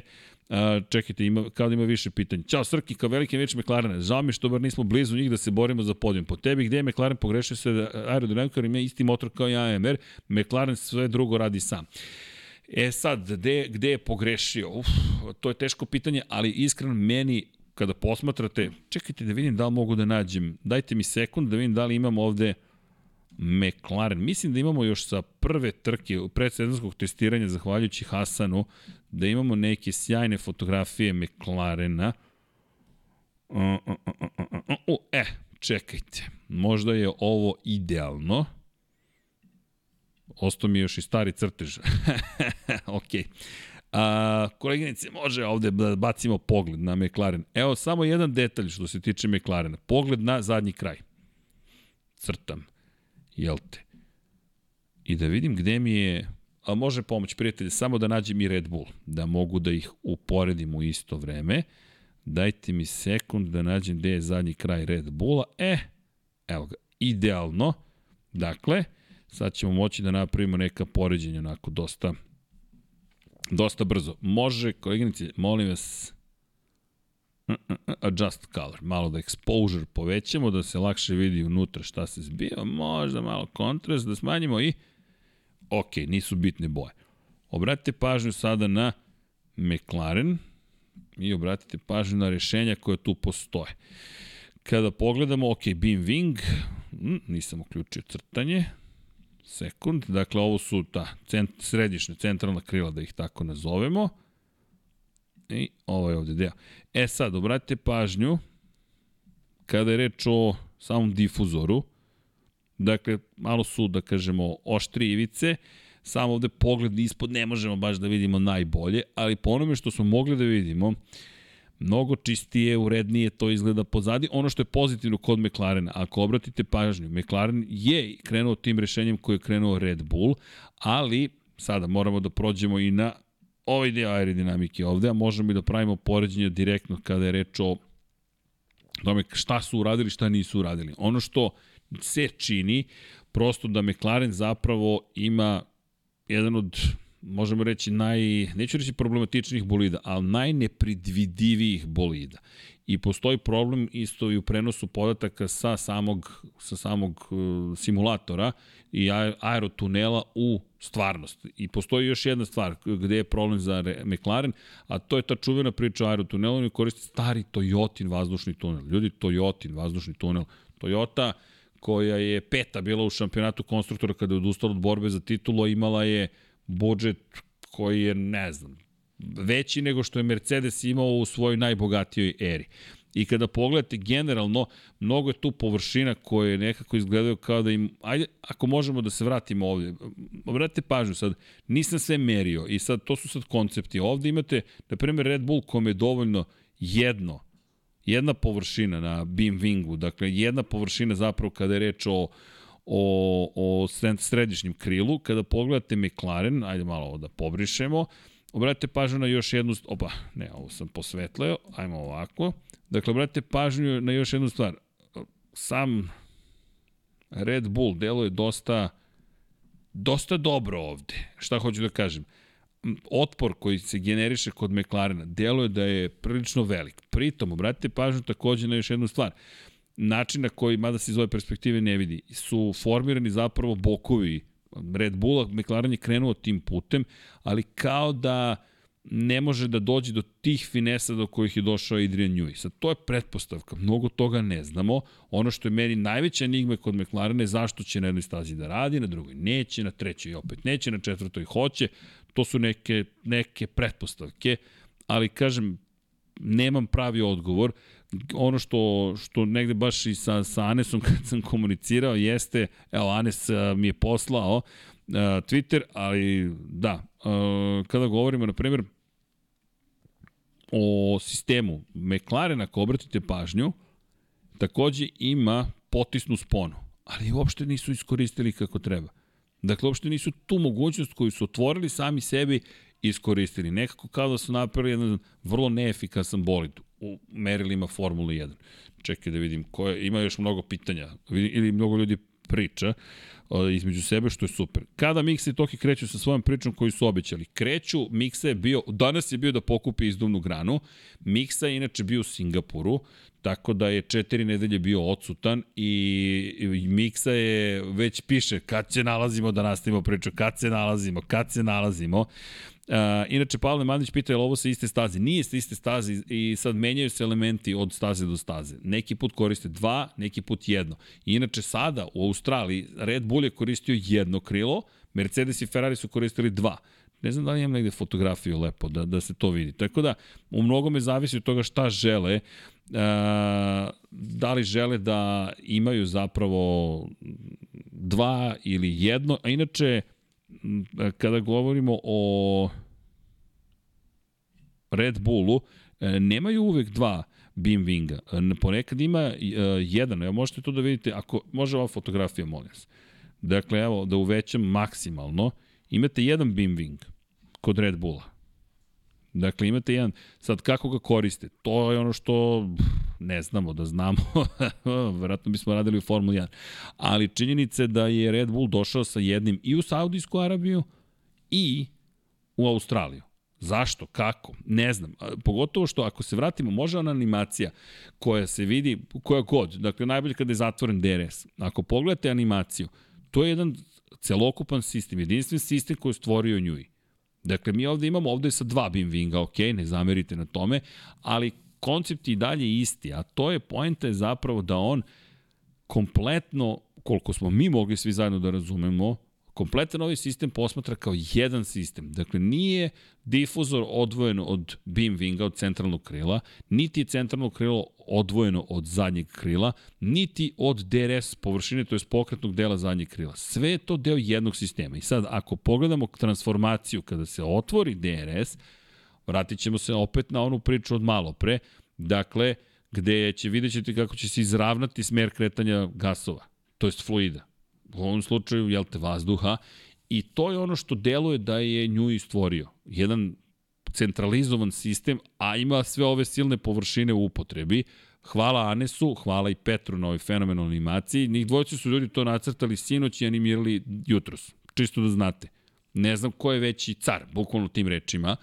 I kažem, zapratite Anesa, Petar je malo stidljiviji, ali lajkujte za Peru. Pera, Pera pivopija, tako ga zovem iz 99, jar nije koliznuo pivo, nije, ali dobra je bila priča da je Pera popio sav sek. Za sve koji pitaju kada će sek, treba da se nađemo sa ekipom iz Dogme. Uh, to eto tako da znate. Je li moguće da podizanje kriju ključnu ulogu što se tiče aerodinamike? Almo 44. Pa sve igra. Krenuli smo od prednjeg krila i prednjeg oslanjanja da bismo došli do zadnjeg krila. I, i sledeće nedelje ćemo pričati baš o tim bočnim konceptima gde gde leži problem za Mercedes. To je deluje da postoji problem za Mercedes, a da je Red Bull najbolje time ovladao, Aston Martin to najbolje iskopirao i rekao, naravno ćemo kopirati najbolji, to nije nikakav problem, kopirate koliko možete, ali smo objasnili zašto mi verujemo da će teško Aston Martin doći do toga što ima Red Bull. To ne znači da Aston Martin neće na drugim mestima nadoknaditi. Negde dobijete, negde izgubite. Ono što je fascinantno jeste da je Red Bull brz na svim stazama, u svim uslovima. I to je ono što je fascinantnost zapravo onoga što je stvorio Adrian Newey. Pri čemu Beam Wing, kad će Newey da ga doda ponovo? Nema pojma, verovatno, on već sada zna sve što treba da, da uradi u narodnoj trci, otprilike. Uh, svi prave produžetak difuzora sa Beam Wingom. Tako je, svi prave produžetak difuzora sa Beam Wingom zapravo, ali ono što je Newey uspeo da postigne jeste da je spojio sve to, a onda kroz ovo što smo pričali o DRS-u napravi nešto što je trostruki DRS prosto sve je spojio, sve, sve što je mogao iskoristio. Kažem opet, nijans. I ako pogledate opet onu priču o vrtluzima na, na graničnim pločama, zašto je kod... Čekajte, za, evo, ko ima racionalno odgovor samo da nađem na... Uh mhm, -huh, samo da vidimo gde su mi... Evo, evo, neko može da mi odgovori na ovu razliku. Ovo je Mercedes i sad, u biti, Da, sve deluje da je slično. Može, koleginice, ovde jedan kadar, molim vas. Pogledajte ovo. Dakle, ovo je Australija, mi ne pričamo o Bahreinu testu. A ovo je takođe Australija. Ljudi, a, deluje suviše jednostavno gotovo. Kako je moguće da Mercedes ima ovo? A da Red Bull ima ovo? Evo, ko može da mi da adekvatan odgovor na ovo pitanje? Ne, nemam odgovor. Obratite pažnju na još jednu stvar. Ako pričamo malo pre o Bim Wingu, ako pričamo o zadnjem kraju, kako pokušavaju, dakle, Mercedes je napravio ovaj ovde otvor, tunele ove praktično je sproveo tamo pozadi, da bi nahranio više vazduhom zadnje krilo. Ali, Mercedes koji nema bočne otvore, evo, laički, evo laički, može Anis, Anis bolje da nam odgovori. Pogledajte količinu prostora ovde, ovo je sa istog mesta fotografisano, i količinu prostora koju mi imamo ovde kod Red Bulla. Sad, koji vam deluje da će imati bolji sistem kada je na primjer, o otporu vazduha? Ovako, laički mi deluje da je tu Red Bull opet uradio malo bolji posao. Evo, samo pogledajte iz ove perspektive. Možemo ovako da pogledamo i znam da zvuči možda suviše jednostavno, ali Ja ne znam da li su baš na istom mestu, pa čak i točkovi su im gotovo na istom mestu, ok, možda je malo ugao drugačiji, ali opet se lepo vidi razlika u, u pristupima kada je reč o bolidima. I pričali smo naravno o prednjem krilu koliko je drugačije. Obratite pažnju, evo što je zanimljivo, ajde, ovo nisam analizirao, ali pogledajte prednje krilo kod Mercedesa, pogledajte prednje krilo kod Red Bulla.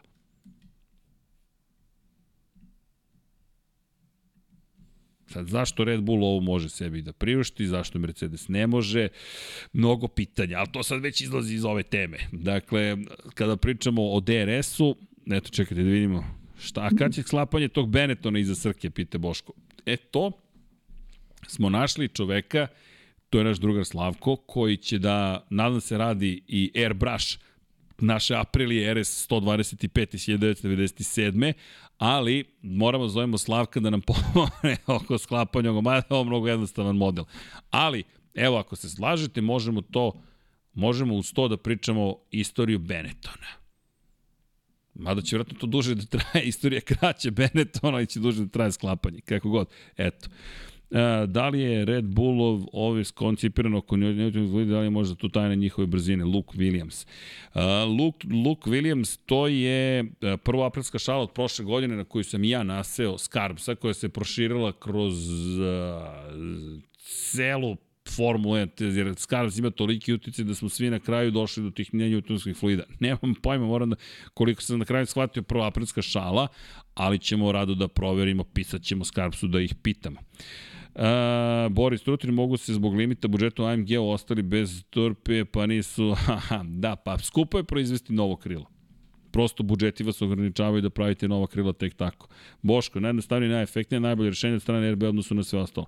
Pa dobro, tu je razlika za pull i push rodova, zato razlika u krilima gde se usmjerava vazduh. Dragan Stojanovski. Tako je, ali to ono što smo pričali, ne znam da ste od početka tu, kad smo objašnjavali, ako mogu opet da se vratim na to, nije samo pitanje toga, dakle, tu smo pričali o, evo, još jednom, dakle, gde je ruka ma, i kako je to zapravo Njui rešio, dakle, A ruka je, ovo je sve A ruka, dakle, čudan dizajn, ali tako je, evo ga, pull rod, to je vučna spona, ovde je sistem za amortizaciju, a kod Mercedesa, gde nam je Mercedes, evo ga ovde, imamo ovde potisnu sponu, I činjenica, jeste razlika, ali sad mi vi recite da li je bolje rešenje koje je napravio Red Bull i sebe doveo u situaciju da može vrlo efikasan bolid da ima ili Mercedes koji deluje kao da je zakomplikovao stvari.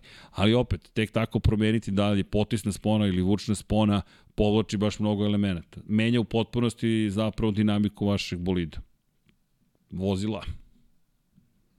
Čekajte da vidimo. E, Toyota dominira u 24 časa Le Mans, tako da ne da je taj tunel toliko loš, Srki. Aha, carici, pa ne, ne, ne, nije problem što je to Toyotin tunel, nego što taj tunel je zapravo u Kelnu, a McLaren centar je malo na drugu stranu, u Walkingu.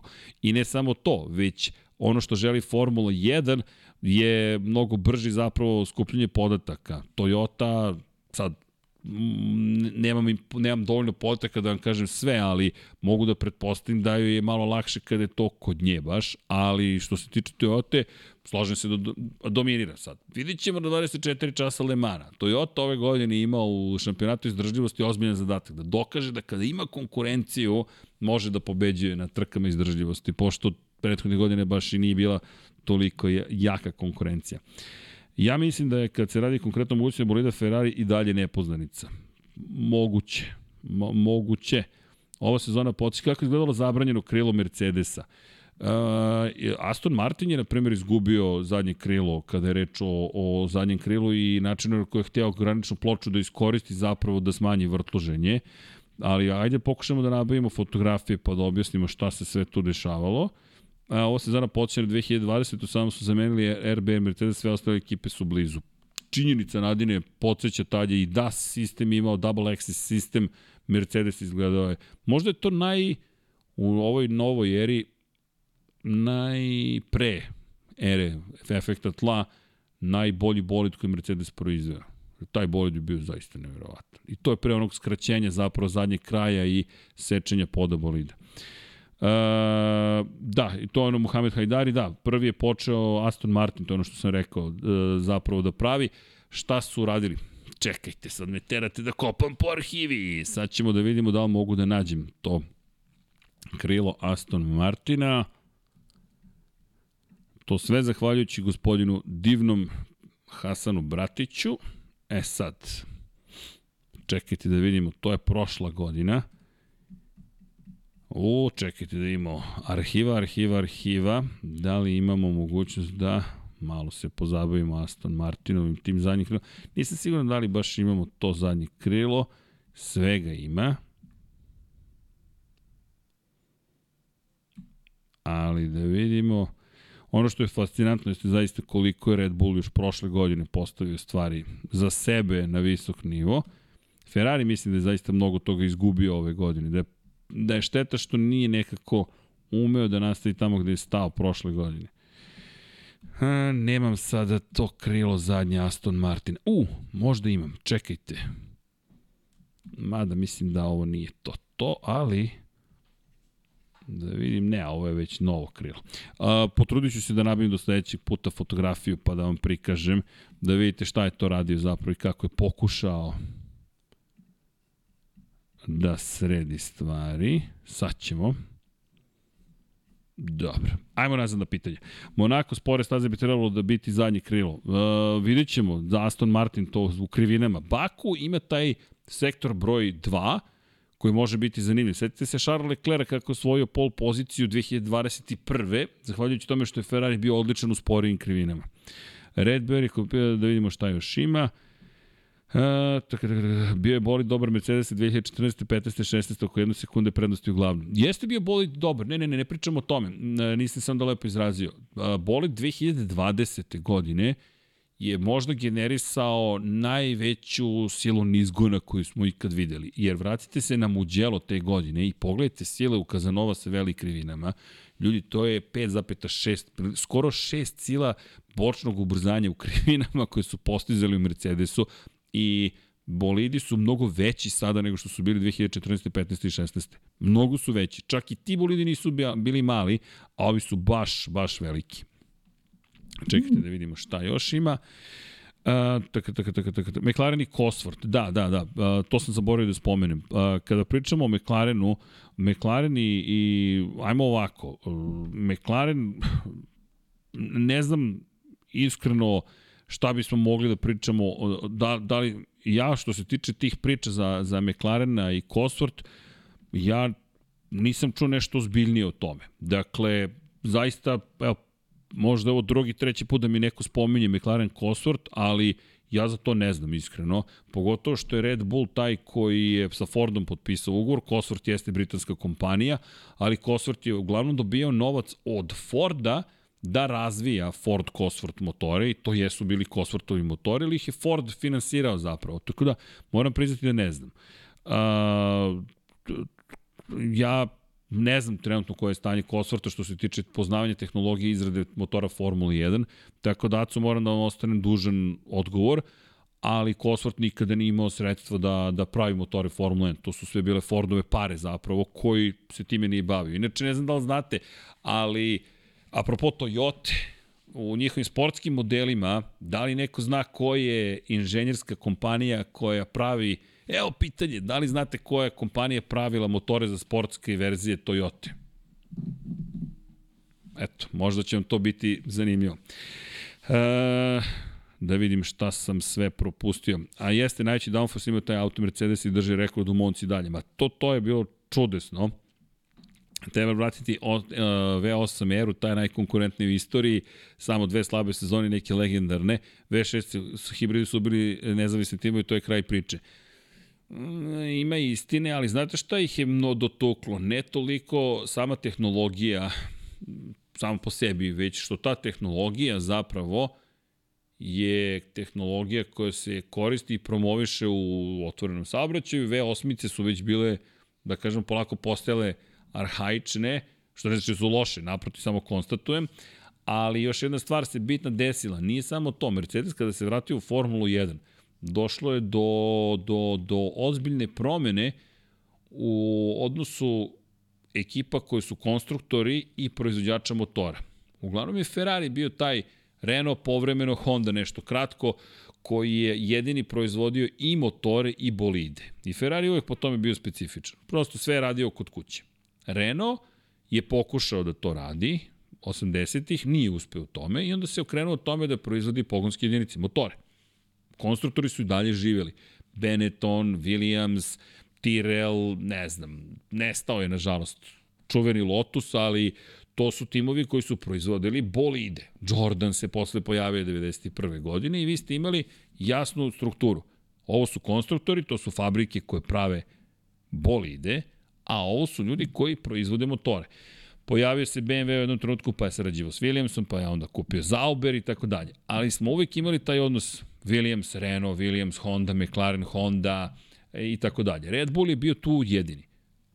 Renault je uspeo sa Fernandom Alonsom da osvoji par titula, nije mala stvar, ali nije imao taj san da odjednom, on je prodali su tim, ne baš brzo posle toga, ali prošlo je par godina, pa dobri, skandal u Singapuru nije pomogao I oni su izašli pa su se vratili.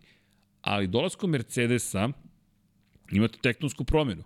Imate kompaniju koja do tada snabdevala McLaren motorima, neće se više to ponoviti, jednostavno, to, da, snabdevaju ih motorima, ali ta vrsta bliske saradnje ne postoji i tako da nisu samo hibridi. Da je Mercedes rekao, ej, slušajte, mi ćemo da proizvodimo hibridne pogonske jedinice, pa ih vi, ko može najbolje da ih koristi, evo nastavljamo saradnju s McLarenom, Vi imate McLaren koji verujem da bi bio mnogo moćniji nego danas. Renault je ušao opet u Formulu 1. Nema tolike uspehe, ali to su sada fabrike. Dakle, Ferrari, Renault, da zovu se Alpina sada, ali to i dalje Renault, i imate Mercedes koji želi uspehe. Tako da je to mnogo velika promena. Koji tim konstruktora može da prati ovaj razvojni put? Za sada samo Red Bull. I to zato što je imao multimilijardera koji je rekao ja volim Formulu 1 i daću vam novac da vi od ovoga napravite nešto uspešno. Ali to je trajalo. To je moje mišljenje. Nije mi pa je tu, to bi bilo dobro. A Boris Trutin kaže Yamaha radila. Tako je, tako je. Yamaha je radila za Toyota.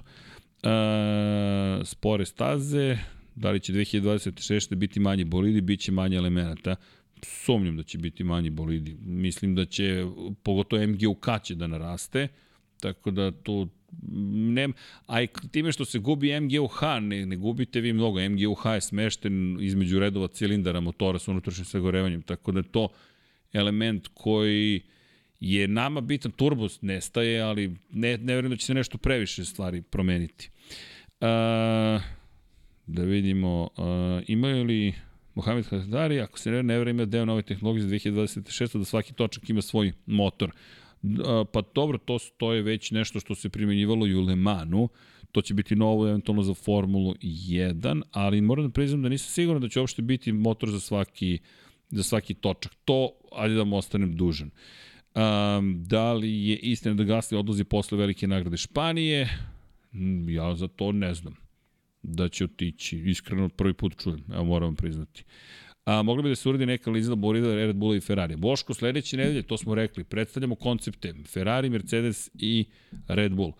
A, možda McLaren odluči da 2026. uđe u s Cosworthom i Rim, Rimcem, jedan radi motor, Rimac elektriku, pa eto sad, kažem, to sa Cosworth, to nisam, moram pridati, čuo nešto ozbiljnije od toga, o tome, možda samo prosto nisam ispratio dovoljno dobro stvari, ali nisam baš siguran da li će se to desiti. Voleo bih. Ajde, to ću da zapišem sebi da istražimo. Dobro. Još jedna stvar za istraživanje. McLaren i Cosworth plus Rimac. Dobro, upisano sebi pa ćemo da ostavimo to za sledeći put. Šta još imamo? Pa mislim da je to to. A, ljudi, 7 i 15 je. Mislim da ćemo uskoro do 2 sata da dođemo. Mislim da sam više odgovarao na pitanja, ali to je okej. Okay. Franz Tost javio Juki pokazao koristiti za mesto u Red Bullu 2025. Ja to ne vidim da će se desiti. Ja pre mislim da će Juki Tsunoda ostati bez svog mesta i da će Jumu i Vasa doći umesto njega. Kakve su šanse da se u bliskoj budućnosti Formula 1 vozi u Srbiji? Nažalost, nikakve baš, nažalost, baš, baš male. Ne, ne, male, ne postoje. Verujte, mi nemamo stazu, kamoli nešto drugo. Dok dobijete stazu, onda morate da lobirate, onda morate da se dokažete bar 5 do 10 godina da organizujete trke ili da imate toliko sredstava da platite da Formula 1 dođe, a koliko država bogatijih plaća, teško to da to ne, ne, koliko god bih voleo bilo gde u regionu da se desi trenutno su to baš male šanse. Da li će Red Bull, da li će Ricardo prezme čeko mesto u Red Bullu, medo, ali onaj plavi, ne, sumnjam. Zaista mislim da nema potrebe za time, trenutno sve funkcioniše, imaju na raspolaganju Ricardo ukoliko nešto zatreba, do kraja 2024. čeku važi ugovor, tako da tu stoji i Baba Vus, da kažem, Srki, šta je to konkretno doprino da AMR toliko napreduje, kako da je trenutno bolji od AMG-a. Pa pričali smo o tom aerodinamičkom, pre svega, konceptu koji je AMR napravio i koliko su dobro zapravo iskoristili te, da kažemo, tunele bočne koji su formirali, baš smo se bavili AMR-om pre 3-4 nedelje. Možda je to bio prvi F1 Technical koji smo radili, peto, ukoliko vas ne mrzi, bacite pogled. Uh, Ivan Bravić, ne znam što će skoro dva sata, ako nisi smoren, deri dalje, možemo slušati satima. Hvala Ivane, ne mogu ja satima, nego će uskoro i ekipa da stiže da snima još neke stvari, ali, uh, ali vas molim, pišite šta biste volili da čujete. Ono što je nama pao na pamet na osnovu razgovora sa vama do sada, Pričat ćemo o istorijskim unapređenjima kroz istoriju Formule 1. Šta je to F-Duct? Objasnili smo zašto se zove F-Duct, kako se koristio, tako, malo ćemo da crtamo kako to funkcioniše, pa ćemo se pozabaviti konceptima sledeće nedelje. Ima puno stvari, skandalima, tehničkim skandalima, možda malo da obradimo ljude koji su promenili Formulu 1, koji su zaista bili pioniri u ovom sportu. Jedno vreme je bilo moguće da Hrvatska ima ven, ali neki novi sve napred da ne bude kada je slikao ženu od Eklestona. Nije, Muhamed, to je, to je priča, ali da, ako, da, da je Slavica Ekleston dok je bila supruga Bernija Eklestona, da je, verujte, da je mogla više da pomogne, nije mogla da pomogne svim novinarima i medijima sa ovih prostora. Ne mogu da vam govorim za ostale ljude sa ovih prostora, ali ne postoji novinar koji nije dobio njenu podršku. Verujte, dakle, me, mi, medijski korpus, što kaže, skida kapu.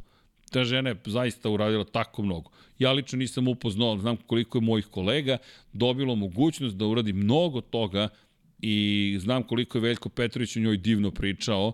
Veljko Petrović koji je čovek jednostavno sam po sebi bio neverovatan još u Slavicinu podršku, verujte, to je čovek koji je prisustvovao istorijskim momentima, nažalost više nije sa nama, ali Veljko je prvi saznao da Mihael Schumacher odlazi u penziju iz Ferrarija i da se povlači na velikoj nagradi Mađarske i to je bukvalno saznao tako što je bio prisutan kada su bili tu Berni i Slavica i Mihael došao i saopštio da se penzioniše. To je Veljko imao, zahvaljujući među ostalog i se svojim sposobnostima i činjenici da imao Slavicinu podršku. Tako da, da je moglo, verujem da bi ona prva lobirala za tako nešto. E, moje iskreno mišljenje o Maxu, da li je najbolje da li je sposobno osvojiti 7 ili više titula? Uf, Jokeru, to zavisi od i Njuija i ostalih timova. Da li je sposoban? Ja mislim da jeste sposoban u ovom trenutku.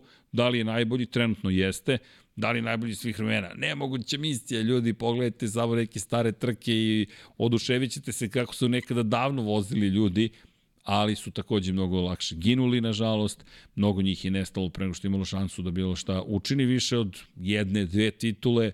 Druga vremena, timovi su znali da bankrotiraju preko noći, samo nestanu. I to ne timovi koji su mali, nego timovi koji su vodeći u jednoj sezoni, sledeći ih nema. Zamislite sad, na primjer, Mercedes kaže, ej, nema nas zato što smo bankrotirali. Ne, ne kažu, povlačimo se jer ne želimo više, nego ne postojimo. Tako da, baš je teško, ali, ali je čovek koji je zaista izuzetan vozač. I kada neko pocenjuje bilo njega, bilo Luisa Hamiltona ili nekog trećeg, zato što ima moćan bolid, ljudi uvek je tako bilo, pogotovo u modernoj Formuli 1. Bez bolida, teško ćeš neke stvari raditi. Osim ako nisi Ayrton Senna koji sedne i vozi neke krugove koje, evo danas je neko tweetovao baš njegov čuveni kvalifikacijni krug sa velike nagrade Mađarske, McLaren Honda, kada je bio brži na, u Mađarskoj na Hungaru ringu, za 1,2 sekunde u odnosu na Nigela Mansella i Ricarda Patrezea u FW u 14B. Dakle, ako je postojao čovek koji je mogao da prevaziđe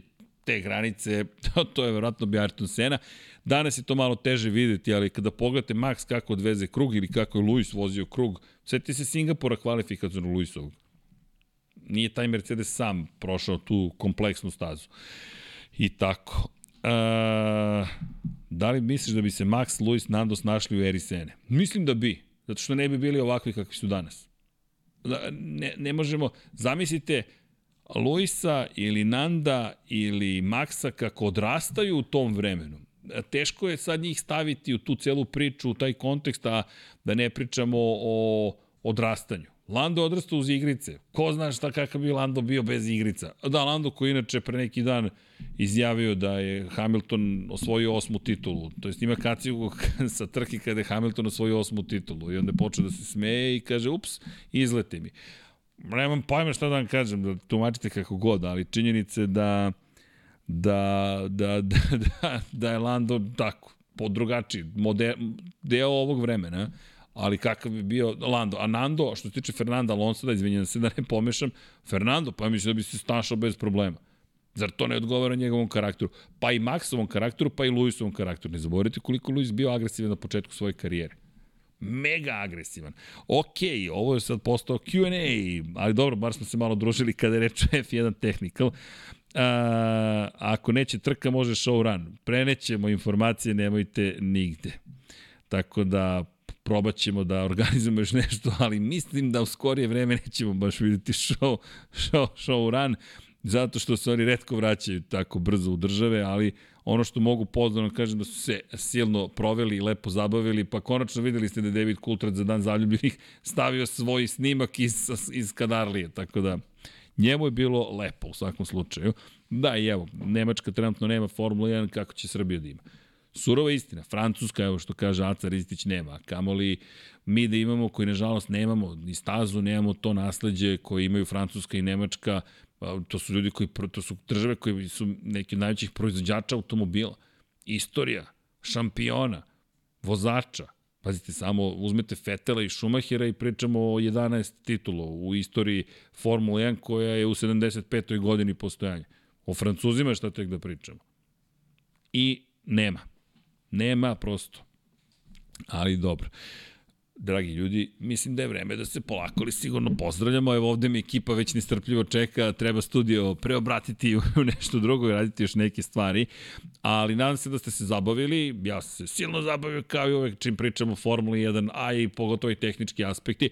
E da, i dajte komentar, molim vas i povratne informacije. Da li je dovoljno jasno? Nije dovoljno jasno? Nije dovoljno dobro? Jeste dovoljno dobro? Da li nam se slomilo to prednje oslonje? A nije, to je samo tako napravljeno. Dobro, uplašio sam se već. Naš RC Controlled, dakle, sistem. A kada govorimo o još nekim stvarima, pa da odgovorim za, za navak. Uh, video sam, video sam, već smo juče pričali o navaku i da treba pričati o tome šta se događa s navakom, kako to izgleda i tako dalje i tako dalje. A, uf, mnogo pitanja ljudi, ali moram polako da se odjavljujem. Ima ovde još ljudi koji nestrpljivo čekaju, ali ćemo napraviti jedan Q&A koliko vidim, morat ćemo Q&A da, da, da organizujemo. E da, u utorak, redovni Lab 76 o Formuli 1. Pa i ja smo rekli prošle nedelje, odgovarat ćemo uglavnom na pitanja, trka neće biti još tri ponedelje, tako da to je idealna prilika, a drugo i običani smo prosto da ćemo ispoštovati, pošto u prethodnom podcastu smo baš puno se oni ja ispričali i nekako nismo dohvatili sva pitanja, tako da znate.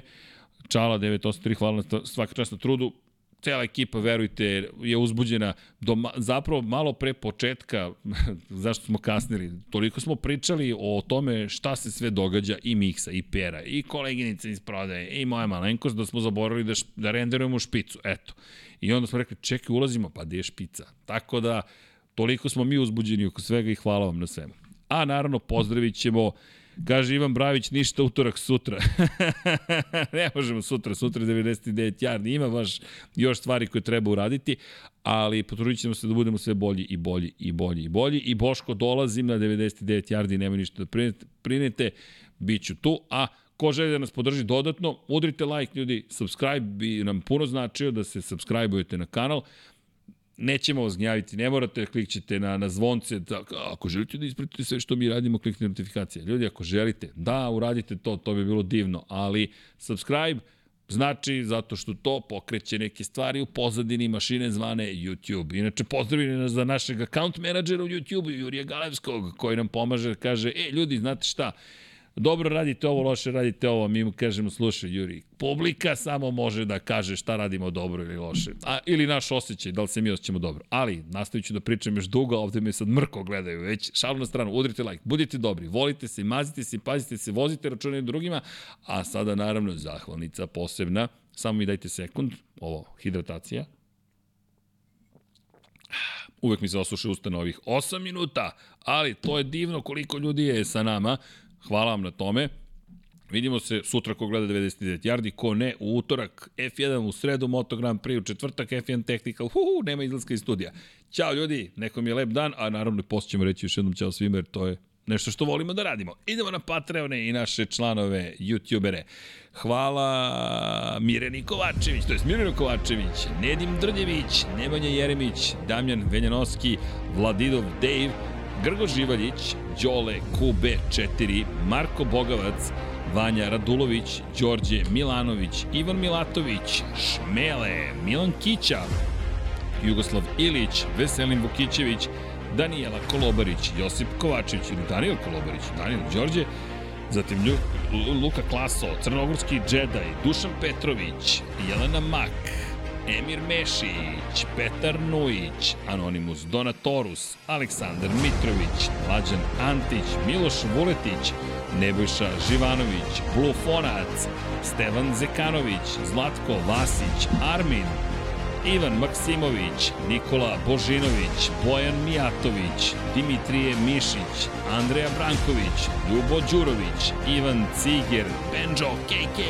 Marko Blagojević, Boris Gvozden, Zoran Šalamun, Stefan Milošević, Monika Erceg, Denis Špoljarić, Miloš Broćeta, Matija Rajić, Aleksandar, Andreja Milodinović, Ivica, Čigi Bao, Stefan Dulić, Nikola Marinković, Boris Golubar, Ivana, Vladimir Mutić, Darko Trajković, Kristijan Šestak, Miloš Rašić, Andreja, Goša 46, Miroslav Cvetić, Armin Durgut, Đorđe Radojević, Andrej Božo, Alen Vuletić, Stefan Stanković, Renata Neš, Jasmina Pešić, Ćole, Cheesehead, Andrej Bicok, Luka Martinović, Inzulin 13, Vladimir Filipović, Nemanja Labović, Dragan Matić, Đurđica Martinović, Nikola Stojanović, Đerman, Lazar Hristov, Ognjen Grgur, Lj. Đurović, Stefan Vidić, Stefan Nedeljković,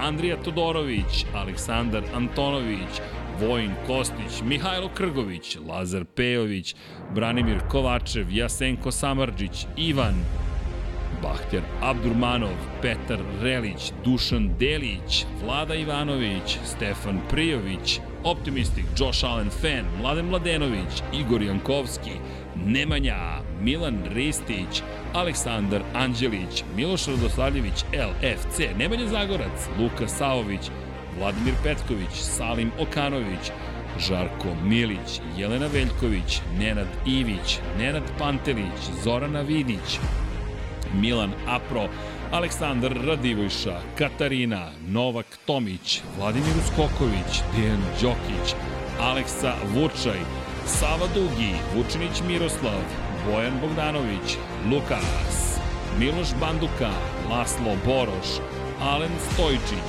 Životić Jovan, Predrag Pižurica, Zoran Majdov, Nikola Grujičić, Stefan Ličina, Branislav Kovačević, Nenad Simić, Bojan Majstorović, da žena ne sazna, Matija Binoto, Luka Manitašević, Miloš Todorov, Marko Marković, Bata Brada, Nikola Milosavljević, Vukašin Vučenović, Marko Petrakanović, Zoltan Mezej, Ivan Rebac, Kimi Rejkonen, Đole Bronkos, Stefan Janković, Filip, Ivan Simeunović, Aleksa Lilić, Branimir Rijavec, Saša Ranisavljević, Srđan Sivić, Vambli Sapa, Aleksa Valter, Ognjen Ungurjanović, Vukašin Jekić, Vuk Korać, Zoran Cimeša, Nedim, Ivan Maja Stanković, Danijela Ilić, Ferenc Laslofi, Danka, Boris Kujundžić, Aleksandar Bobić, Marko Mostarac, Stefan Vuletić, Antonio Novak,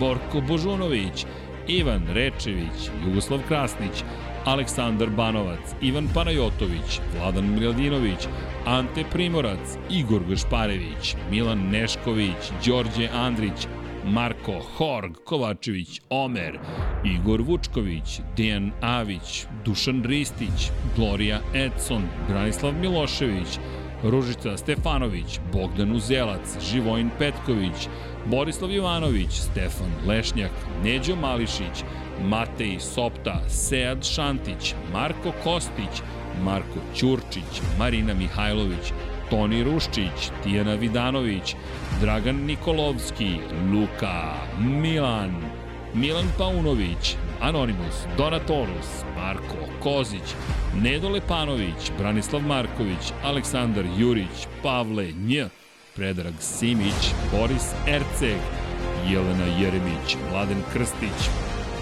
Nemanja Miloradović, Dejan Vujović, Anonimus, Donatorus, Jeca i Stefan, Milan Milašević, Mladen Tešić, Deus Nikola, Safet Isljami, Nikola E, Borislav Vukojević, Branko Bisački, Mirina Živković, Dorijan Kablar, Ognjen Marinković, Branislav Dević, Ivan Toškov, Ertan Prelić, Krorobi 00, Domagoj Klarić, Resničanin, Mensur Kurtagić, Blagoj Ačevski, Nemanja, Petar Bijelić, Ivan Vujasinović, Nikola Kojić, Tatjana Lemajić, Ivan Magdelinić, Ivan Vincetić, Zlatko Marić, Ljiljana Milutinović, Kosta Berić, Maksi, Bojan Stanković, Goran Mrđenović, Marko Stilković, korespondent, korespondent, Alin Jesenović, Ivan Božanić, Milorad Reljić, Nikola Grđan, Nemanja Bračko, Uroš Ćosić, Branislav Dević, Saša Stevanović,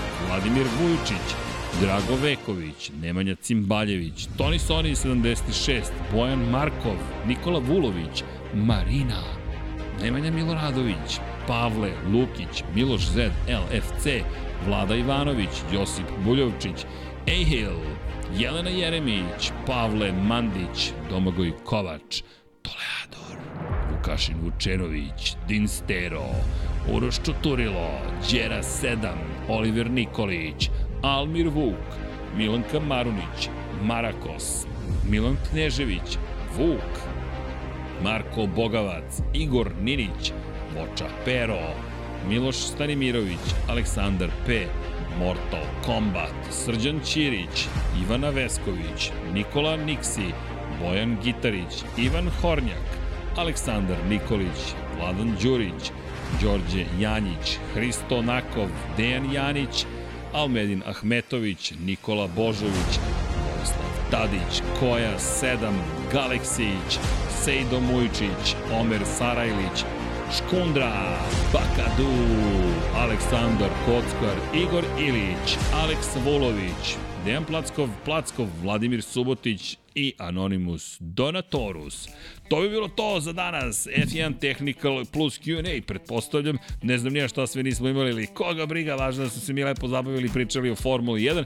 Nadam se da ste vi uživali, svakako mi jesmo, mi čitajte ja. Za ostale ne znam u studiju, šalim se, svi su se lepo zabavili, ali dobro, šala uvek dobro dođe, a mi vam želimo jedno prijatno, lako, lepo veče, ukoliko ovo slušate u nekom drugom vremenskom periodu, pa gde god da ste, šta god da radite, čime god da se bavite, uživajte ljudi, život je lep, a Formula 1 je uvek divna sa svim svojim, pa i cirkuskim atrakcijama i ostalim zabavama. Pogledajte samo kako znanje je primenjeno u Formuli 1 i zašto treba da se školujete. Zato što i vi možete tamo da budete, ali da nama onda objašnjavate šta se sve događa. Ako smete, ako vam ugovor to dozvoljava, zaposlite se negde u Formuli 1, to vam je moja želja za danas. Udirite like, share, subscribe, budite dobri, mazite se i pazite se, vozite računare drugima i naravno, Ćao svima! Ko kaže da sa električnim pogonom nema avanture? Ko kaže da se avantura prekida radi punjenja? Novi Nissan X-Trail sa e-Power tehnologijom. Jedinstveno elektrifikovano iskustvo koje ne zavisi od punjača.